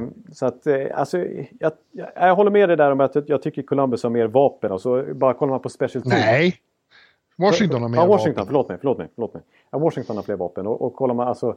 Eh, kollar man special team till exempel så... Eh, alltså, eh, det, det är ganska stor skillnad på powerplay här till exempel. Eh, däremot 5 mot 5-mässigt så är ju Columbus on top of the League nästan. De är ruggigt eh, jobbiga att ha att göra med 5 mot 5-spelet. Vilket ju man absolut inte ska underskatta. Men alltså, så jag, jag, jag chansar här och säger att Columbus eh, tar det i en mentalt jobbig Game 7 för, för Washington. Vad tror du din nya kompis Beckis tycker om det här? Ja, det gillar han ju inte alls. Det här Tippa är, mot honom. Eh, nästan så att jag får klippa bort det här och, och, och så får jag byta här och säga att... Eh, nej, nej, men jag måste stå för det. Jag säger det. Ja. Eh, du, du bidrar ju här ändå med Washington-tips och då, då, då vågar jag skrälla till med Columbus. Okej. Okej. Då har vi en serie kvar i östra konferensen och det är väl kanske den som ådrar sig mest intresse och uh, pirr i magen på hela omvärlden. Och det är The Battle of Pennsylvania mellan Pittsburgh Penguins och Philadelphia Flyers. Tvåan och trean i Metropolitan. Ja, det Och vi är ju vi är ju lyckliga över att vi får den serien, eller hur? Ja, det, det, skulle man få hoppas på en slutspelserie så här i första rundan när man satt och såg på hur, hur det kunde, vad som kunde ske och vad som inte kunde ske. Ja, men då är det klart man vill ju ha Battle of Pennsylvania. Det här kommer ju bli sjukt. Ja. Det är ett världskrig. Ja. Och de är med direkt för- första natten så är det, spelar de. Ja. Vi har ju tre matcher då. eh, Winnipeg, Minnesota och Pittsburgh, Philadelphia och Vegas, LA. De, an, två serierna återkommer vi till. Nu fastnar jag i något helt alla, konstigt. alla de där. Nu kommer jag, vart det väldigt konstigt. Ja. Nu ska vi prata Battle of Pennsylvania och eh, ja, det blir ju världskrig. Ja, det, det, och det, det går ju inte att bara direkt säga bortse från hur det såg ut senast där 2012 när de möttes. Alltså det, det var ju som fruktansvärt sjuk serie alltså. Det är en av de sjukaste någonsin i NHL-historien. Det är 56 mål på sex matcher. Det är Var det 314... 2012? Men det var, stötte de inte på varandra igen sen 2013? Eller hur var det Ja, det det kanske... Ja, det, det, det, det, ja jag, jag får bara upp den här i serien nu. Du, kanske- tänker på Brysegal och uh, Ja, Flurry ja, ja, visst. Och 314 utvisningsminuter. Det var avstängningar hit och dit och det var fullständigt kaos. Fullständigt kaos. Nu är det ju sen dess så har ju rivaliteten svalnat lite. De har inte stött på varandra lika ofta. Eh, och nya spelare har kommit och gått och, och vi har inga Carcillo som Matt Cook med längre. Eh, men men eh, det, jag, tror att den, jag tror att den kommer att hetta upp igen och att det kommer att vara absolut en faktor, känslorna i den här serien. Ja. Eh, och det är intressant därför att eh, egentligen är det ju så att Pittsburgh är mycket bättre än Philadelphia. De, de är mycket, de är mycket stark, starkare i förhållande till Flyers idag än vad de var då. Det, Ja. Om du förstår vad jag menar. Ja, ja. Det, är inte lika, styrkeförhållandena är inte lika jämnt fördelade. Eh, så vore det inte för, för de här för rivaliteten och, och hur emotionellt det kan bli så borde ju Pittsburgh vinna ganska lätt mot Philadelphia. Eh, för de har ett fantastiskt lag, de har ett fantastiskt eh, De vet hur man spelar slutspelshockey. De har tre kedjor. De har Sidney Crosby en kedja, Malkin i en, en, annan och Phil Kessel i en tredje. Det är nästan omöjligt att försvara sig mot. Ja, det är därför de har vunnit två raka Stanley Cup. Ja. Så att... och, och sen sätter de ihop dem i, i, i, i världs, ett av världshistoriens mest eh, fruktansvärda powerplays. Ja, det är ju ett av de bästa genom tiden. Det är faktiskt, jag tror att det är Pittsburghs Ja, de, de slog ju faktiskt klubbrekord eh, i procentmässigt. Det här är bästa powerplay de har presterat. Och då har man ändå haft den här typen av spelare ett tag nu och dessförinnan var det ju Lemieux och Jagr och så vidare. Så att, eh, ja. att, att det här är faktiskt det bästa powerplay någonsin, det säger en hel del. Eh. Ja.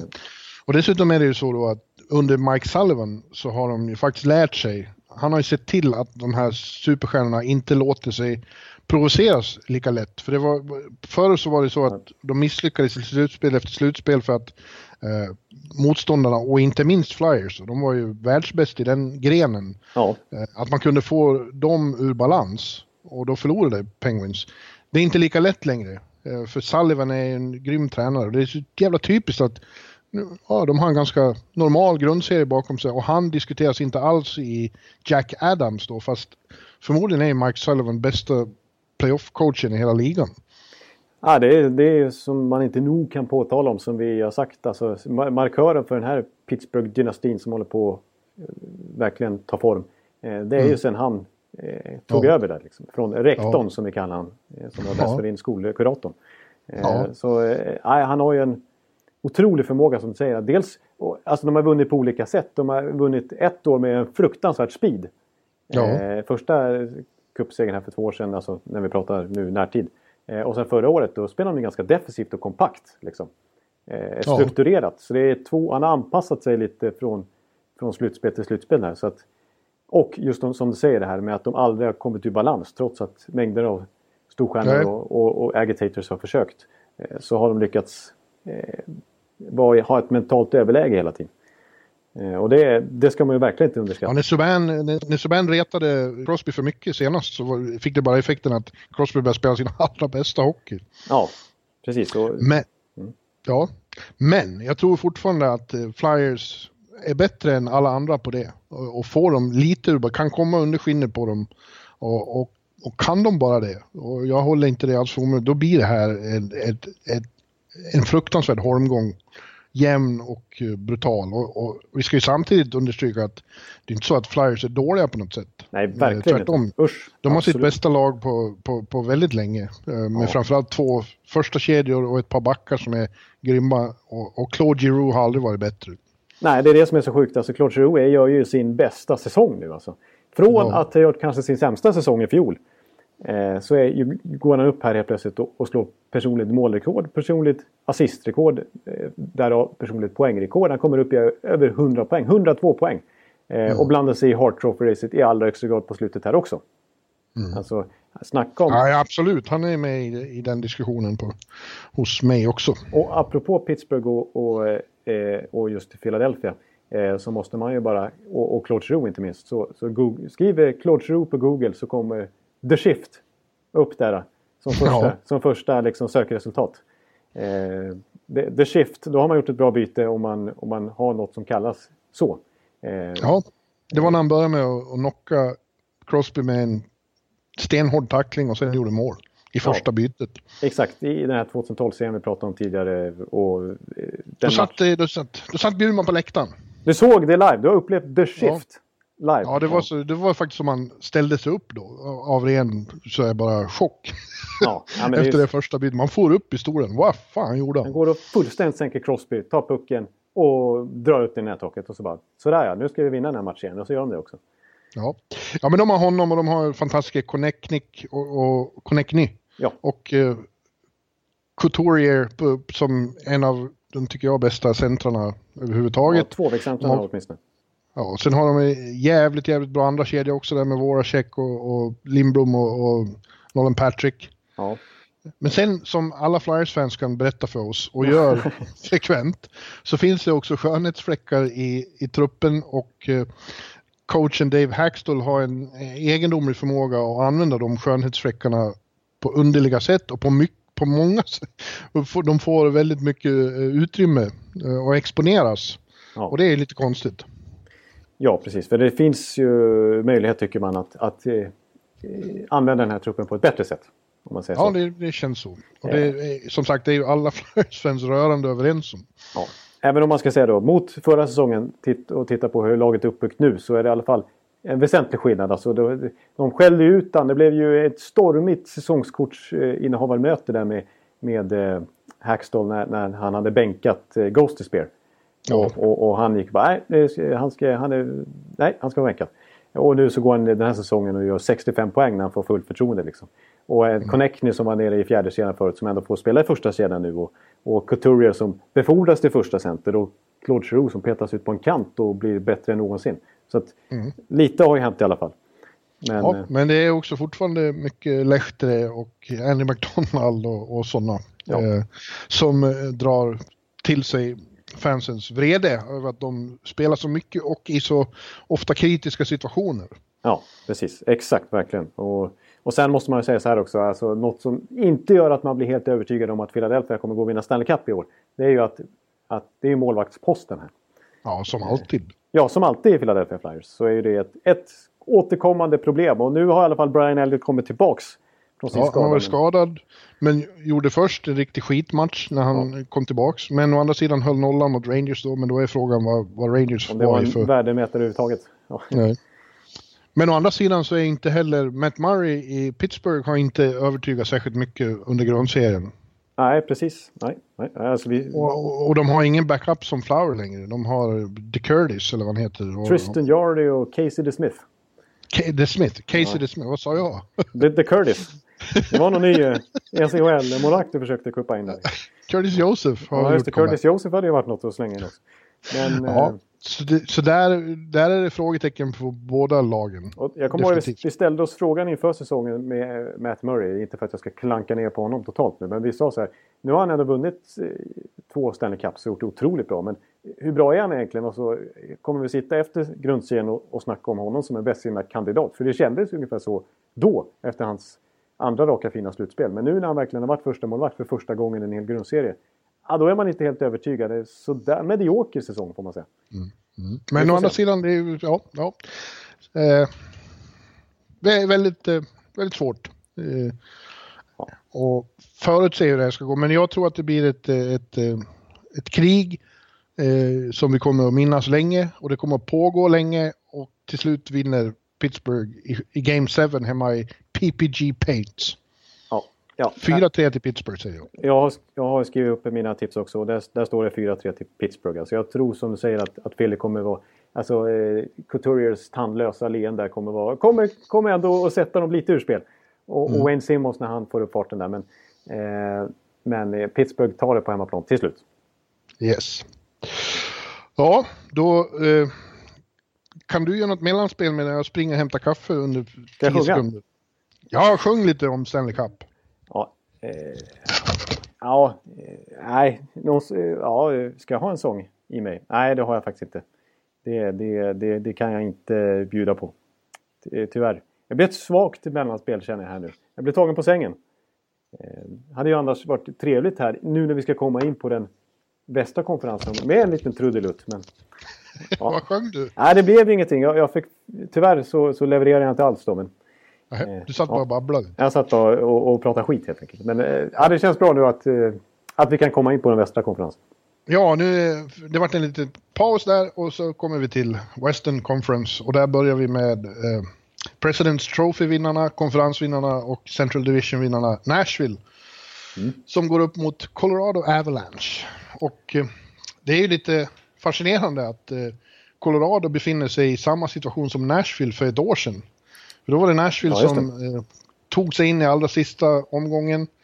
Eh, och sen eh, knockade en eh, stor favorit med en väldig press på sig. Eh, Ja. Det är precis vad som händer nu. Nash- Nashville är ju som sagt President's Trophy-vinnare. Har varit bäst eh, i ligan helt enkelt. Ja, Det är ju bara att slå ja det är fast. så är det ju. Mm. Och till skillnad från i fjol då har de plötsligt press på sig. Det har de aldrig haft förut i den här situationen. Och det Nej. blir ju jävligt spännande att se hur de hanterar det. Medan Colorado då återigen ett lag som inte har någonting att förlora alls. Och bara kan gå in i det här med stor glädje och hunger och entusiasm och, och köra. Ja, exakt. Och det, de intalar sig ju precis det som du säger här. Det har de ju pratat om i intervjuer inför den här serien. Att ja, men det, vi ska försöka göra en Nashville. Liksom. Vi kommer Ja. in sist här, vi har ingen press på oss. Vi möter ett lag som alla tror på. Det är bara att kötta på liksom. Ja. Eh, Och eh, de tog sig in på ett imponerande sätt. De, det var ju en direkt, ett direkt avgörande drama där om sista wildcard-platsen med St. Louis. Det, det händer omgången. inte ofta så att man möts Nej, sådär i en direkt avgörande match. Just de två lagen liksom. Om en slutspelsplats. jag minns bara två gånger. Det var då Rangers Flyers 2010 och så något år när Dallas och Minnesota möttes på samma sätt. Ja. Och Dallas fick stryk, minns jag tydligt. Ja. Eh, ja, men och där var ju inte St. Louis ens nära faktiskt. Det var ju... Nej, det var en klar seger. Ja, då spelade Colorado bra och de, de har ju gjort en fantastisk resa om man jämför med var de kom ifrån i fjol. Eh, när de var hopplös jumbo en av katastrofsäsongen från början till slut. Ja, historiskt dåligt alltså. 48 Ja. poäng. Det är inget annat lag som har tagit så få poäng i den här löntagsserien åtminstone. På bra många, kanske någonsin i 82 matchers säsong åtminstone. Nej. Så att, att ja, precis. Och vi, inför den här säsongen, alltså i Central-divisionen dessutom. Ja, Att de skulle göra det här, det, det fanns ju inte på kartan. Alltså. Det var lika orimligt som Vegas succé. Egentligen. Ja, och de har en, en, en grönhet kedja i den första där med Landeskog, eh, Rantanen och framförallt McKinnon då som ju också är en MVP-kandidat Absolut. i Absolut. högsta grad. Men de har även fint på, på djupet. Carl Söderberg till exempel har gjort eh, sin kanske bästa säsong efter har gjort sin sämsta. Eh, eh, och andra ser heta ut, eh, kanske inte några supernamn men Carefoot och Andrigetto och eh, Comfer i fjärde kedjan. Ja, JT Comfer. Ja. Eh, Tyson Jost, alltså deras gamla första val som ändå etablerar sig nu. Ja, Och man, man glömmer bort lite, vi, det första serien är man stirrar sig blind på, men sån som Tyson Berry har ju varit fantastiskt produktiv från backsidan i år också. Det har varit några år, men eh, en av NHLs absolut bästa offensiva backar. Kanske en av de bästa powerplay-backarna. ja. Det, finns, det Ja. finns ju lite där i alla fall. Men Ja. de kommer inte ha en chans. nu, nu, nu, att, nu, eh, ja, nu förklarar du hur det ligger till. Ja, för att eh, Nashville eh, i år är verkligen inte Chicago i fjol. Nej. Nashville är eh, det mest kompletta laget av dem alla.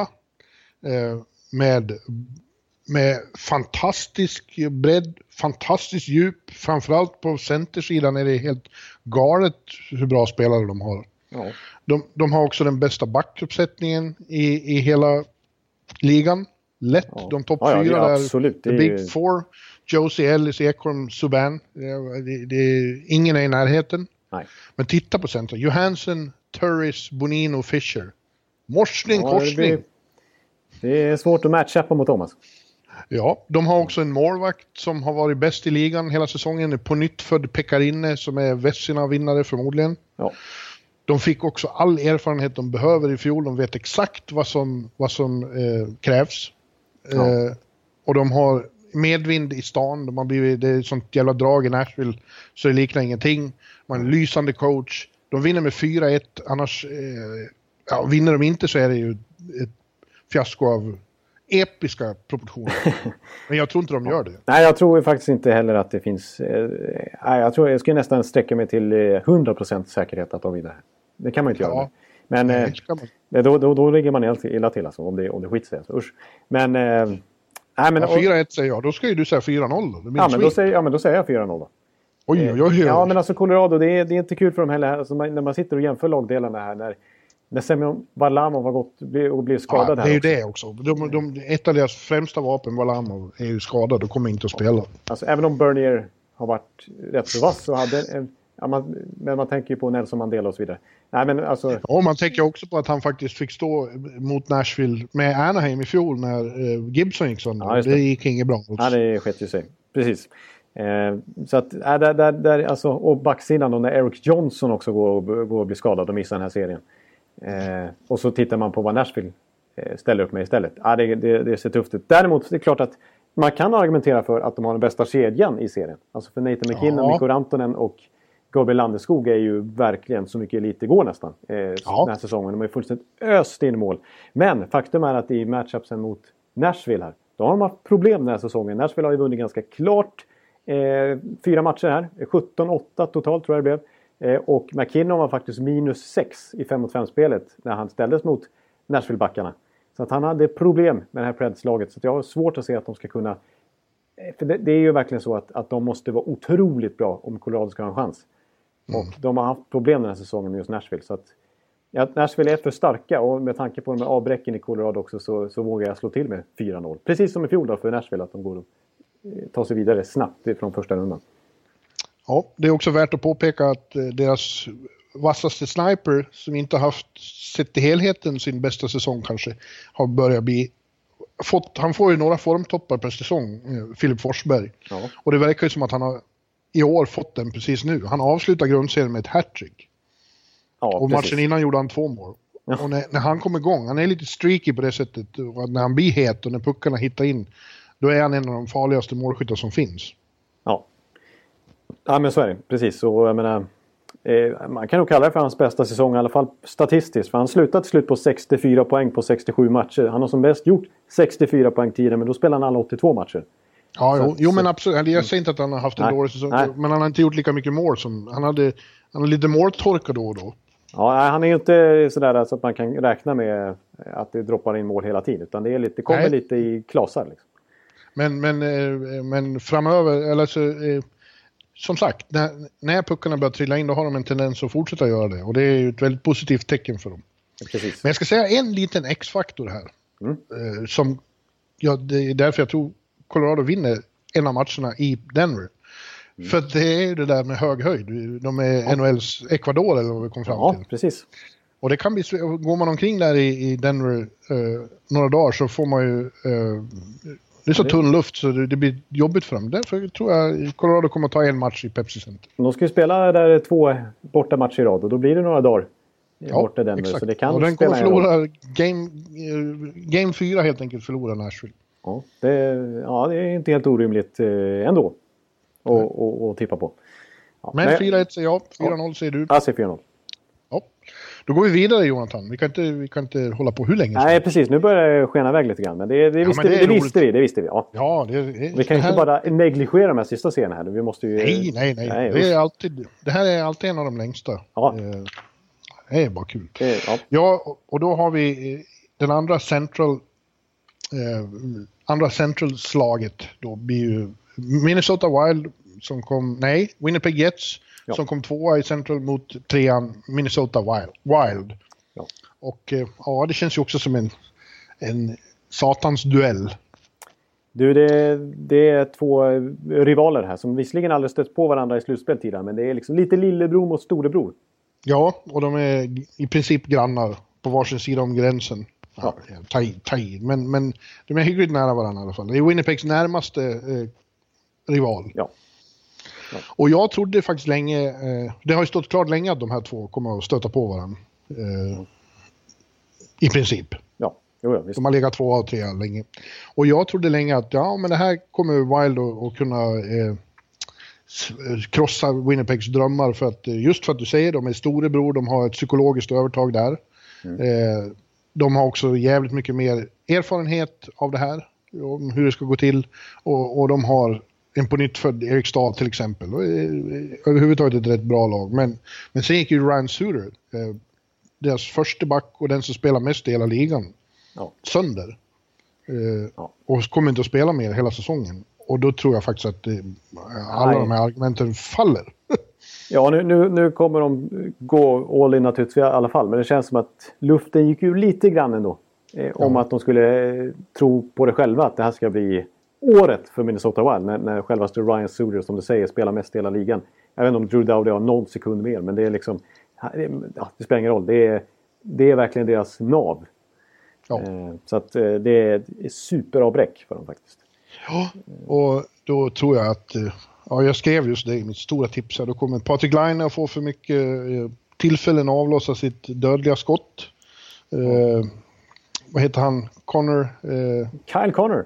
Kyle Connor kommer att få för mycket utrymme, för mycket svängrum eh, för sina konster och Dustin Bufflin kommer att få för mycket tid att visa vem det är som har mest pondus och ta för sig i fysiska spelet. Jag tror att eh, Winnipeg vinner det här. Ja, jag håller med om det. Jag, eh, I princip samma argument. Alltså, som du nämnde, vi kan ju slänga in Mark Scheifly där. Blake Wheeler som gör 91 poäng. Vi kan slänga in Eh, Nikolaj Ehlers, Paul Stastny man plockar in i deadline. Eh, Ja. Brian Little, det är sån fruktansvärt offensivt potent lag det här. Eh, som går upp mot en backsida nu. Så där visserligen Jared Spurgeon precis har kommit tillbaka, vilket ju var viktigt. Men annars så, så ställer de upp med Carson Southey och Nick Sealer och Nate Prosser. Det är de som ska stoppa det här eh, Wild-laget liksom. Eller Jets-laget menar jag förstås.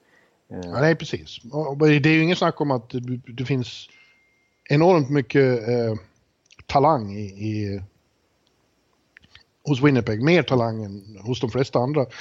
Det man har tro, tänkt då är liksom att just den här bristande eh, eh, slutspelserfarenheten. Line har aldrig spelat slutspel. Eh, eh, Connor har aldrig spelat slutspel.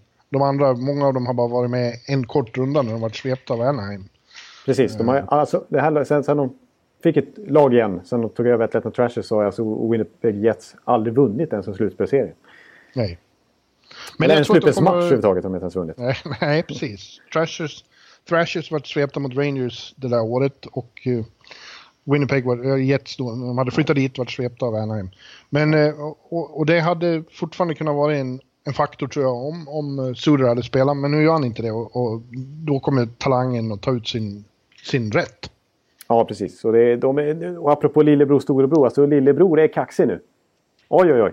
Alltså Ja. med, med de spelarna, de, de tycker att det här, nu ska vi sätta dit eh, det här eh, Minnesota. Så och Patrik Laine snackar om så här att Ja, ja, men det blir ju kul för, för Finland i VM. Vi kan få ett starkt lag där i Danmark nu när Mikko Koivu och Mikael Granlund kommer direkt. Liksom. Ja, den kaxigheten är ju ljuvlig men också farlig. Det är sånt som kan kosta när man inte har varit i slutspel förut. Man, Nej, får, vara lite, man får ha lite respekt för Ja, storebror. Store, för nu, absolut, storebror som ska komma nu, det är ju Minnesota i det här fallet, ja verkligen. Som Ja. ska komma, som släpps från fängelset och, och ska Ja. ställa till med trubbel. Så att, eh, Luktar lite illa och är lite obehaglig i största ja, allmänhet. precis. Och det kommer inte Line riktigt vara beredd på. Här. Han har ju räknat hem den här segern redan nu. Ja, det är farligt. Ja. Men eh, en, en till, eh, det känns som jag använder ordet faktor för mycket nu, men en faktor är In också att det är in- In Bru- med till faktor nu. Bruce Boudreau står i båset hos Minnesota och vi vet ju att eh, slutspel är inte hans tid på året. Nej, då, det är då han, Han har haft blir sammanbiten och, och, och tappar talförmågan lite grann och, och blir, står och knyter med näven i båset och vet inte riktigt vad han ska göra. Eh, så att, jag håller med om det här att det känns inte som att han eh, kommer hitta alla nycklar för att ja, sätta stopp för det här jetslaget. Liksom. Nej, inte. Jag är tvungen att... att eh, att svara på ett mejl. Prata på. Ja, prata på. det, det, blir, det blir det mejl. Nej, jag, alltså att jag, jag vågar nog eh, slå fast här ändå alltså, att det här vinner Jets. Jag, satt, jag kan säga så här, det här är ju för nördigt för att jag nästan ska ta fram. Och jag, jag slutade halvvägs också för att jag kom på att det är ingen som bryr sig om det här. Jag som en god samhällsmedborgare så kan jag inte lägga tid på det här. Det, det, men jag satt och försökte räkna ut hur NHL-tabellen skulle se ut med trepoängssystemet. Med SHLs trepoängssystem. Eh, alltså, ja, ni vet ju hur det funkar. Så jag behöver inte gå igenom det. Men eh, då hade faktiskt Winnipeg Jets vunnit NHL. De hade slutat före Nashville eh, i tabellen. Om eh, det hade varit trepoängssystem istället för tvåpoängssystem. Och jag kan ju tycka att trepoängssystemet är lite mer rättvist. Så man kan ju argumentera för på det viset att Winnipeg till och med är grundseriens bästa lag. Ja. Ja. Ja. Ja, men det, det, det är nytt nu och eh, eh, som sagt, det, det finns ju eh, den dimensionen i det här att de inte har spelat slutspel förut. Men de, de borde slå ut ett Minnesota utan Ryan Suter tycker jag och säger 4-2. Ja, eh, det är ett bra tips och jag ser vad jag har skrivit upp här. Jag tycker det är lite väl snäll mot, mot Minnesota här, men jag säger 4-3. Ja. Mm. Ja, vi, vi, vi, hoppar på Vegas eller Kings. Ja, vad, vad, vad, du- vad snabbt du gick Ja, där. nu gick jag. Nu, nu var det verkligen så här. Oj. Bara flyger iväg. Nej, jag, jag låter Ja. det ta ö, övergången nu istället. Det brukar bli, det blir bättre. Ja. ja, det finns inte så mycket övergång att göra här, men, men eh, vi hamnar i Pacific då där. Eh, den stora skrällen den här säsongen, Vegas Golden Knights, expansionslaget eh, som blev etta i Pacific, går upp mot LA Kings.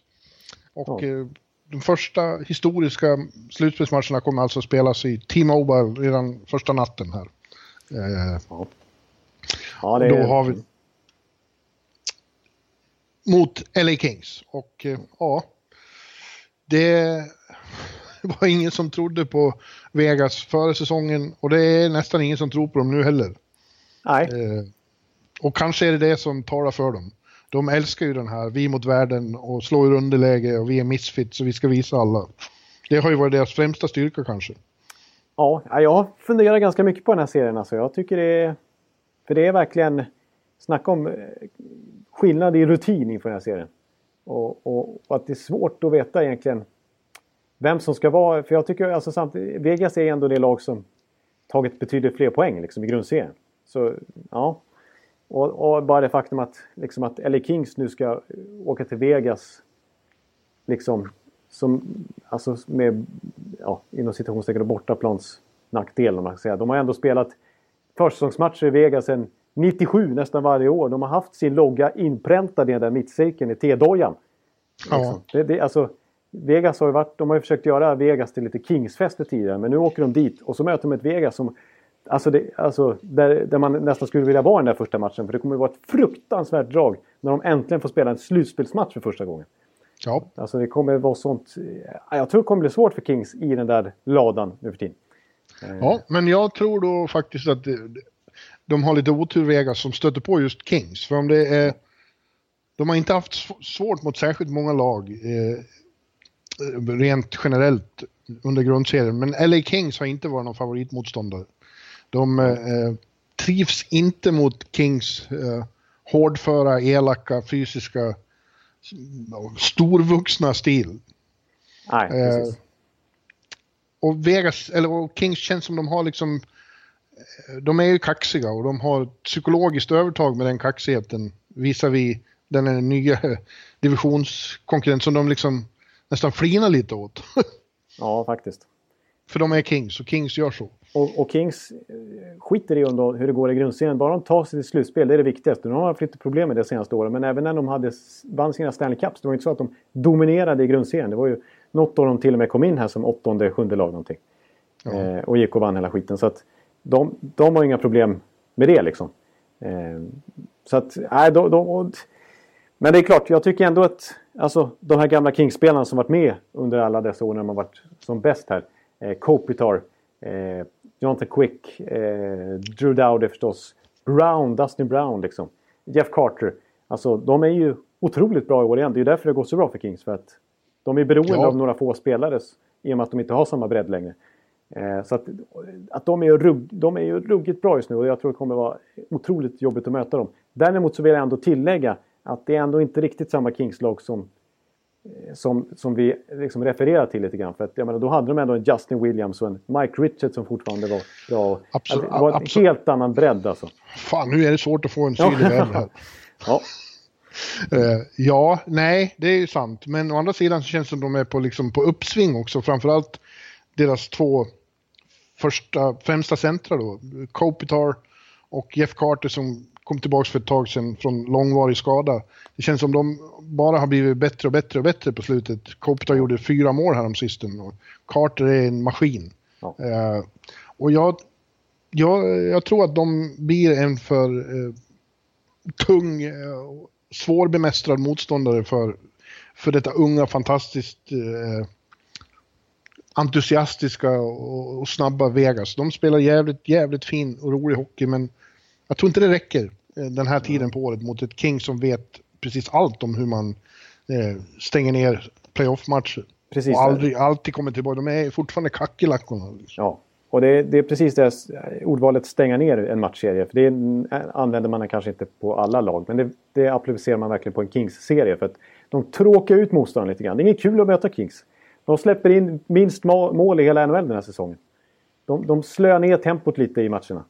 Alltså, det, det, kommer bli, det kommer vara jobbigt liksom och lite, lite tråkigt kanske för Vegas att möta Kings. Ja. Eh, så att, men samtidigt vill jag ja, och, säga... och sen kommer de att vara så jävla elaka och brutala mot dem. Och nu har ju då Vegas visserligen, vad heter han, eh, som kom från Pittsburgh. Ryan Reeves. ja. eh, han kommer nog att få en, en, en viktigare roll än han har haft hittills i just den här serien. Ja, men ja, jag vet inte. Alltså, Sen, sen säger jag så här i alla fall, alltså, vi måste ju komma in på William Karlsson. Eh, ja. eh, så säger jag så här, alltså, då tänker man kanske så här att, att de, de kommer ju sätta Kopitar på, på, den, på att ta hand om Karlsson, Marciso och Smith. Men samtidigt, så här, man, man tänker liksom så att de, de ska stänga ner den kedjan. Men samtidigt har det faktiskt varit så här den här säsongen att Gerard Gallant, han har ju i sin tur aktivt valt den kedjan mot motståndarens bästa. Alltså de Ja. har ju varit en otroligt bra tvåvägskedja den här säsongen. Som har bemästrat i princip allt. Alltså nu, nu vet jag att plus minus statistiken är ju någonting som, som kan slå fel ganska ordentligt. Men har man plus 49 i 5 mot 5-spelet som William Karlsson har. Ja. Då är man, jobb, då är man svår att ha att göra med. Att- Han är faktiskt en, en, eh, han kanske inte kommer att vinna den, men han eh, förtjänar nästan en, en Selke-nominering. Ja, för att han är, han är inte bara en målskytt utan han är en ruggigt bra center i alla tre zoner. Ja, och om man då samtidigt räknar in att han gör 43 mål och en sån, det, måste tas i beaktande. Ja, för det är en tvåvägscenter. Vi pratar inte bara om en bästa defensiva. Liksom. Nej, Nej just det. Så att, Ja, men eh, jag önskar ju William all lycka och hoppas det fortsätter lika, men jag tror att det kommer att bli betydligt svårare att göra så mycket mål i, nu. Ja. Men jag, jag, jag kastar en, en, en till fördel här för, för Vegas då. Eh, apropå det här jag sa tidigare att, att, att eh, Kings ändå har lite sämre bredd nu. Det är att jag tycker att Vegas... En, en stor styrka för Vegas den här säsongen är ju just att de, de fick ju, i och med att de fick ta en spelare från varje lag så fick de ju ändå ihop liksom andra, tredje kedjespelare från väldigt många håll och kanter. Så att jag tycker att deras forwardsdjup totalt sett är klart bättre än, än Kings. Det kan ju, kan ju bli så att till exempel Oskar Lindberg inte ens får spela det här slutspelet. Och han skulle gå in i en tredje kedja Kings till exempel. Eh, Ja. Tror jag. Ja, jag, jag, Jonathan, jag hävdar inte att LA Kings nödvändigtvis är bättre lag på pappret. Jag bara tror att de är svåra för eh, riddarna att spela mot och jag tror att de har deras överlägsna erfarenhet av slutspel som kollektiv kommer att bli utslagsgivande och jag tror därför att LA vinner med 4-2. Ja. Ja, nej, jag... Säg jag emot, säg emot ska, för fan. nej, alltså, jag, jag, jag har eh, velat fram och tillbaka. Jag sa precis att jag tänkt mycket på den här serien och att eh, jag, jag, har, jag har vacklat här. Eh, för jag, jag tror på, jag hör dina argument och jag tycker jag har haft dem för, i mitt inre här också. Men jag, jag skojar till det och säger att, att Vegas att det, de kommer utnyttja sin hemmaplansfördel här. Då, liksom. Men ja, samtidigt, det, är- också det här med... De har liksom inte riktigt varit med om ett slutspel heller nu när det blir... Det, är- det är en annan typ av spel. Alltså. Men nej, jag, jag skojar till det och säger 4-3 Vegas. Åh, det blir en Game 7 på, på strippen. Ja, precis. Då får du nästan bara åka dit. Ja, herregud vilken, vilken fest. Mot just Kings också. Det är en ruggig rivalitet. Alltså. Usch. Ja.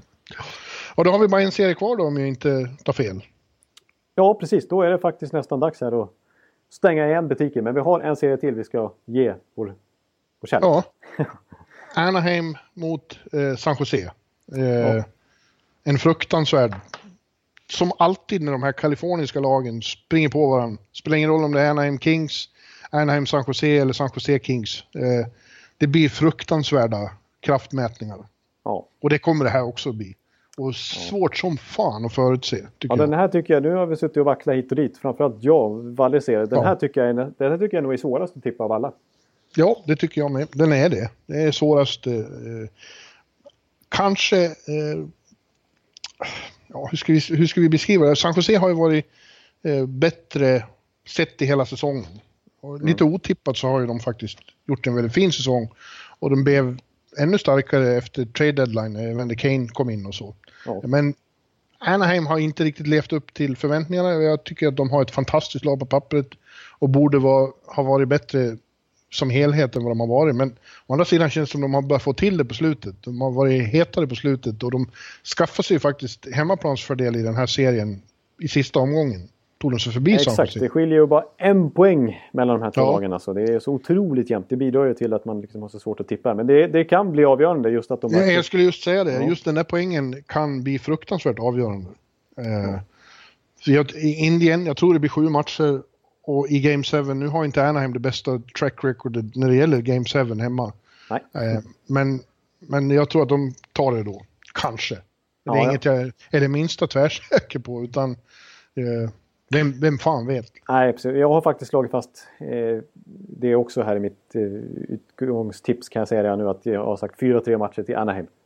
Eh, jag, jag, och jag måste, ju, jag måste ju tippa Anaheim med tanke på att jag sa att de skulle vara i final inför säsongen. Mm. Så jag kan ju inte hålla på och, och vackla nu. Men eh, och, alltså apropå jämnt då, de har ju mötts fyra gånger den här säsongen i och med att de är divisionsrivaler. Och tre av de matcherna gick till straffar. Inte bara övertid utan straffar. Så Ja. det har varit otroligt svårt att skilja dem åt. Eh, så att Ja, otroligt jämnt. Men, men om man tar San Jose lite grann.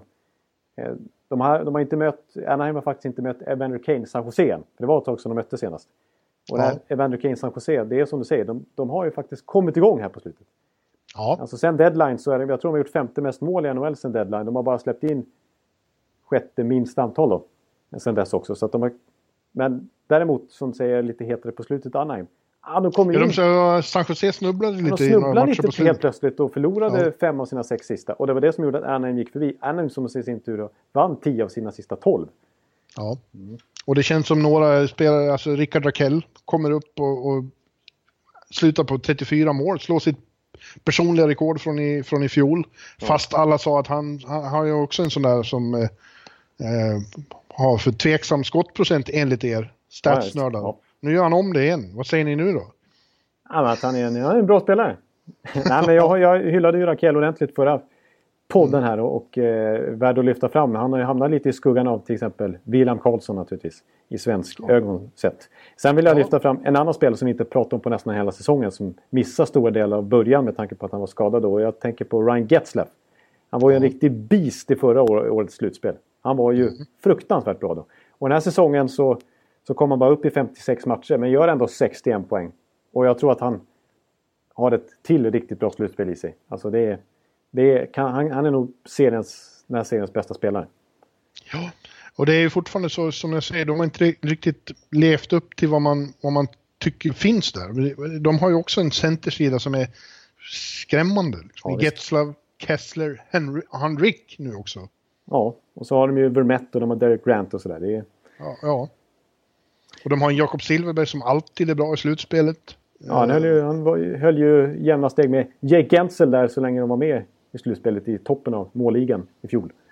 Ja. Eh, ja, och Kessler, den kedjan där med Kessler, Silverberg och Cogliano brukar vara bra på att stänga ner, apropå det ordet, ordvalet. Eh, så att, ja, just det. Däremot är ju faktiskt Cam Fowler borta. Det är ju ett, det är ett avbräck. Ja. Eh, för dem. Men, men de har en bra backsida. Å andra, ja. å andra sidan är Joe Thornton borta för San Jose och det är på något vis, när de kommer hit så är det ändå, känns det lite som psykologiskt jobbigt för dem att inte ha sin store ledare där. Ja, precis. Nu har han. Positivt är att han tränar nu och kanske gör comeback i serien, men är definitivt borträknad från första matchen. Ja. Sen vet man inte vad som hände med Couture i sista matchen. Han fick ett skott på handleden. Ja. Uh, så det är lite oklart kring honom. Men äh, det blir ett krig och det kan sluta precis hur fan som helst tror jag. Men ja. jag säger 4-3 bara för, för att uh, något ska man säga. till Anaheim, ja, ja precis. Ja, jag har ju sagt, jag har sagt 4-3 till Anaheim också så jag måste ju stå fast vid det. Eh, det ska bli spännande att se John Gibson i det här slutspelet nu om han verkligen kan porta, stänga dörren där. Eh, han har ju också varit skadad på slutet. ja, det har han faktiskt. Han, men han ska vara redo nu för, för Game One som jag har förstått i alla fall. Men han, annars gör han ju en, har han faktiskt för en gångs skull varit otroligt jämn den här säsongen. Han, han höll ju faktiskt Anaheim flytande där första halvan när de hade så otroligt mycket skador och Derek Grant plötsligt var första center liksom. Då var det mm. Gibsons målvaktsspel framförallt som gjorde att Anaheim ändå inte sjönk ner totalt. Eh, för då var det ett direkt svagt lag de ställde på, på benen i många matcher. Eh, men Gibson har faktiskt varit Vessina ja. nomineringsmässig eh, ja. den säsongen. Ja. ja. Men du säger 4-3 också då? Ja, jag tror, jag tycker ändå inte riktigt att, jag har, alltså, nej jag tycker San Jose att... Eh, ja men säg någonting ja, nu! Nej men jag har sagt 4-3 till Janne. Ja, jag står fast vid det. Ja, bra. Eh, och då skulle det, om, om våra tips går in, ja. vi får se, vi har ju lite olika, men då skulle det i omgång två alltså bli Tampa mot Boston. Det är vi överens om? Ja. Ja. Och det skulle bli, om jag får rätt då, Washington mot Pittsburgh. Du tror att det kan bli Pittsburgh-Columbus? Ja, precis. Eh, vi tror vidare att det blir Nashville-Winnipeg. Oj, oj, oj. Ettan mot tvåan, apropå slutspelsformatet. Ja. Och jag tror att det blir Anaheim Kings du tror att det blir Vegas Anaheim? Ja. Ja. Ja. ja. Vi får se. Om en, om en vecka när vi pratar igen i podden, då har vi eh, kommit en bit in i det här. Då vet vi vilka coacher som gnäller. Vi vet vilka fruktansvärda tacklingar som har delats ut. Vi vet eh, vilka skandaler det har varit kring goaltender interference. Mm. Vi vet vilka matcher som har gått till tre overtime. Vi vet en massa, massa stories som vi just nu inte har en aning om kommer att utvecklas. Nej. Vi kommer att vara lyckliga, glada och utmattade av att vara med om match efter match efter match efter match. Natt efter natt efter natt efter natt. Ja, precis. För nu, nu, ja, nu ska man nästan, får man nästan snart gå och lägga sig. För nu vet man att nu blir det inte mycket sömn här i två månader i rad. Nej, det det är blir en det liten inte. andningspaus här nu och sen så börjar racet som bara den fram till midsommar. Ja, och många bagarväckningar. Fast jag börjar hemma i soffan några dagar. Eh, det. och ladda på här. Det är en lång, det är en lång resa. Ja, exakt. exakt. Du, du kommer göra dina resor, det kan vi ju garantera. Ja, Men, ja men eh, då, då säger vi tack. Jag ber att få önska dig och alla lyssnare Happy Stanley Cup Playoffs. Åh, vad skönt. Det, det är jag tacksam för. Jag kan, jag kan meddela att jag sitter ner nu för det. Jag orkar inte stå upp längre. Nu är jag ut, utmattad efter bara den här previewn. Alltså. Det, är- det är mycket energi nu. Men, eh, men vi ser verkligen fram emot den här första slutspelsveckan. Så att vi, vi tackar alla er som, som orkar lyssna på oss här nu i nästan två timmar. Och så hörs vi igen om en vecka. Yes. Adjö. Hej! Hallå, hallå, hallå. Hallå, hallå, hallå. Alex Chiazot, Joe Luis Arena och Esposito. Esposito. Uttalsproblem, men vi tjötar ändå. Och alla kan vara lugna, inspelningsknappen är på. Bjuder Hanna Kohl, han är grym i sin roll. Från korrespsoffan har han fullständig kontroll på det som händer och sker. Det blir ju allt fler som rattar Arenas blogg. Gå och lyssna på hans podd. One, two, three, speed, so Hallå, hallå, hallå. One, two, three, speed, so Hallå, hallå, hallå. Ekeliv, som är ung och har driv. Verkar stor och stark och känns allmänt massiv. Han hejar på Tampa och älskar Hedman. Sjunger som Sinatra. Ja, och där ser man. Nu är det dags för refräng. Dags för magi, Victor Norén. Du är ett geni. Så stand up at home and remove your hats. Höj volym, för nu är det plats. One, two, three, speed, so Hallå, hallå, hallå. One, two, three, speed, so Hallå, hallå, hallå. One, two, three, speed, so Hallå, hallå, hallå. One, two, three, speed, so Hallå, hallå, hallå. Det er utroligt længe siden mor, der samtidig også har råd. Hallå, hallå, hallå. Det er utroligt længe siden mor, der samtidig også har råd.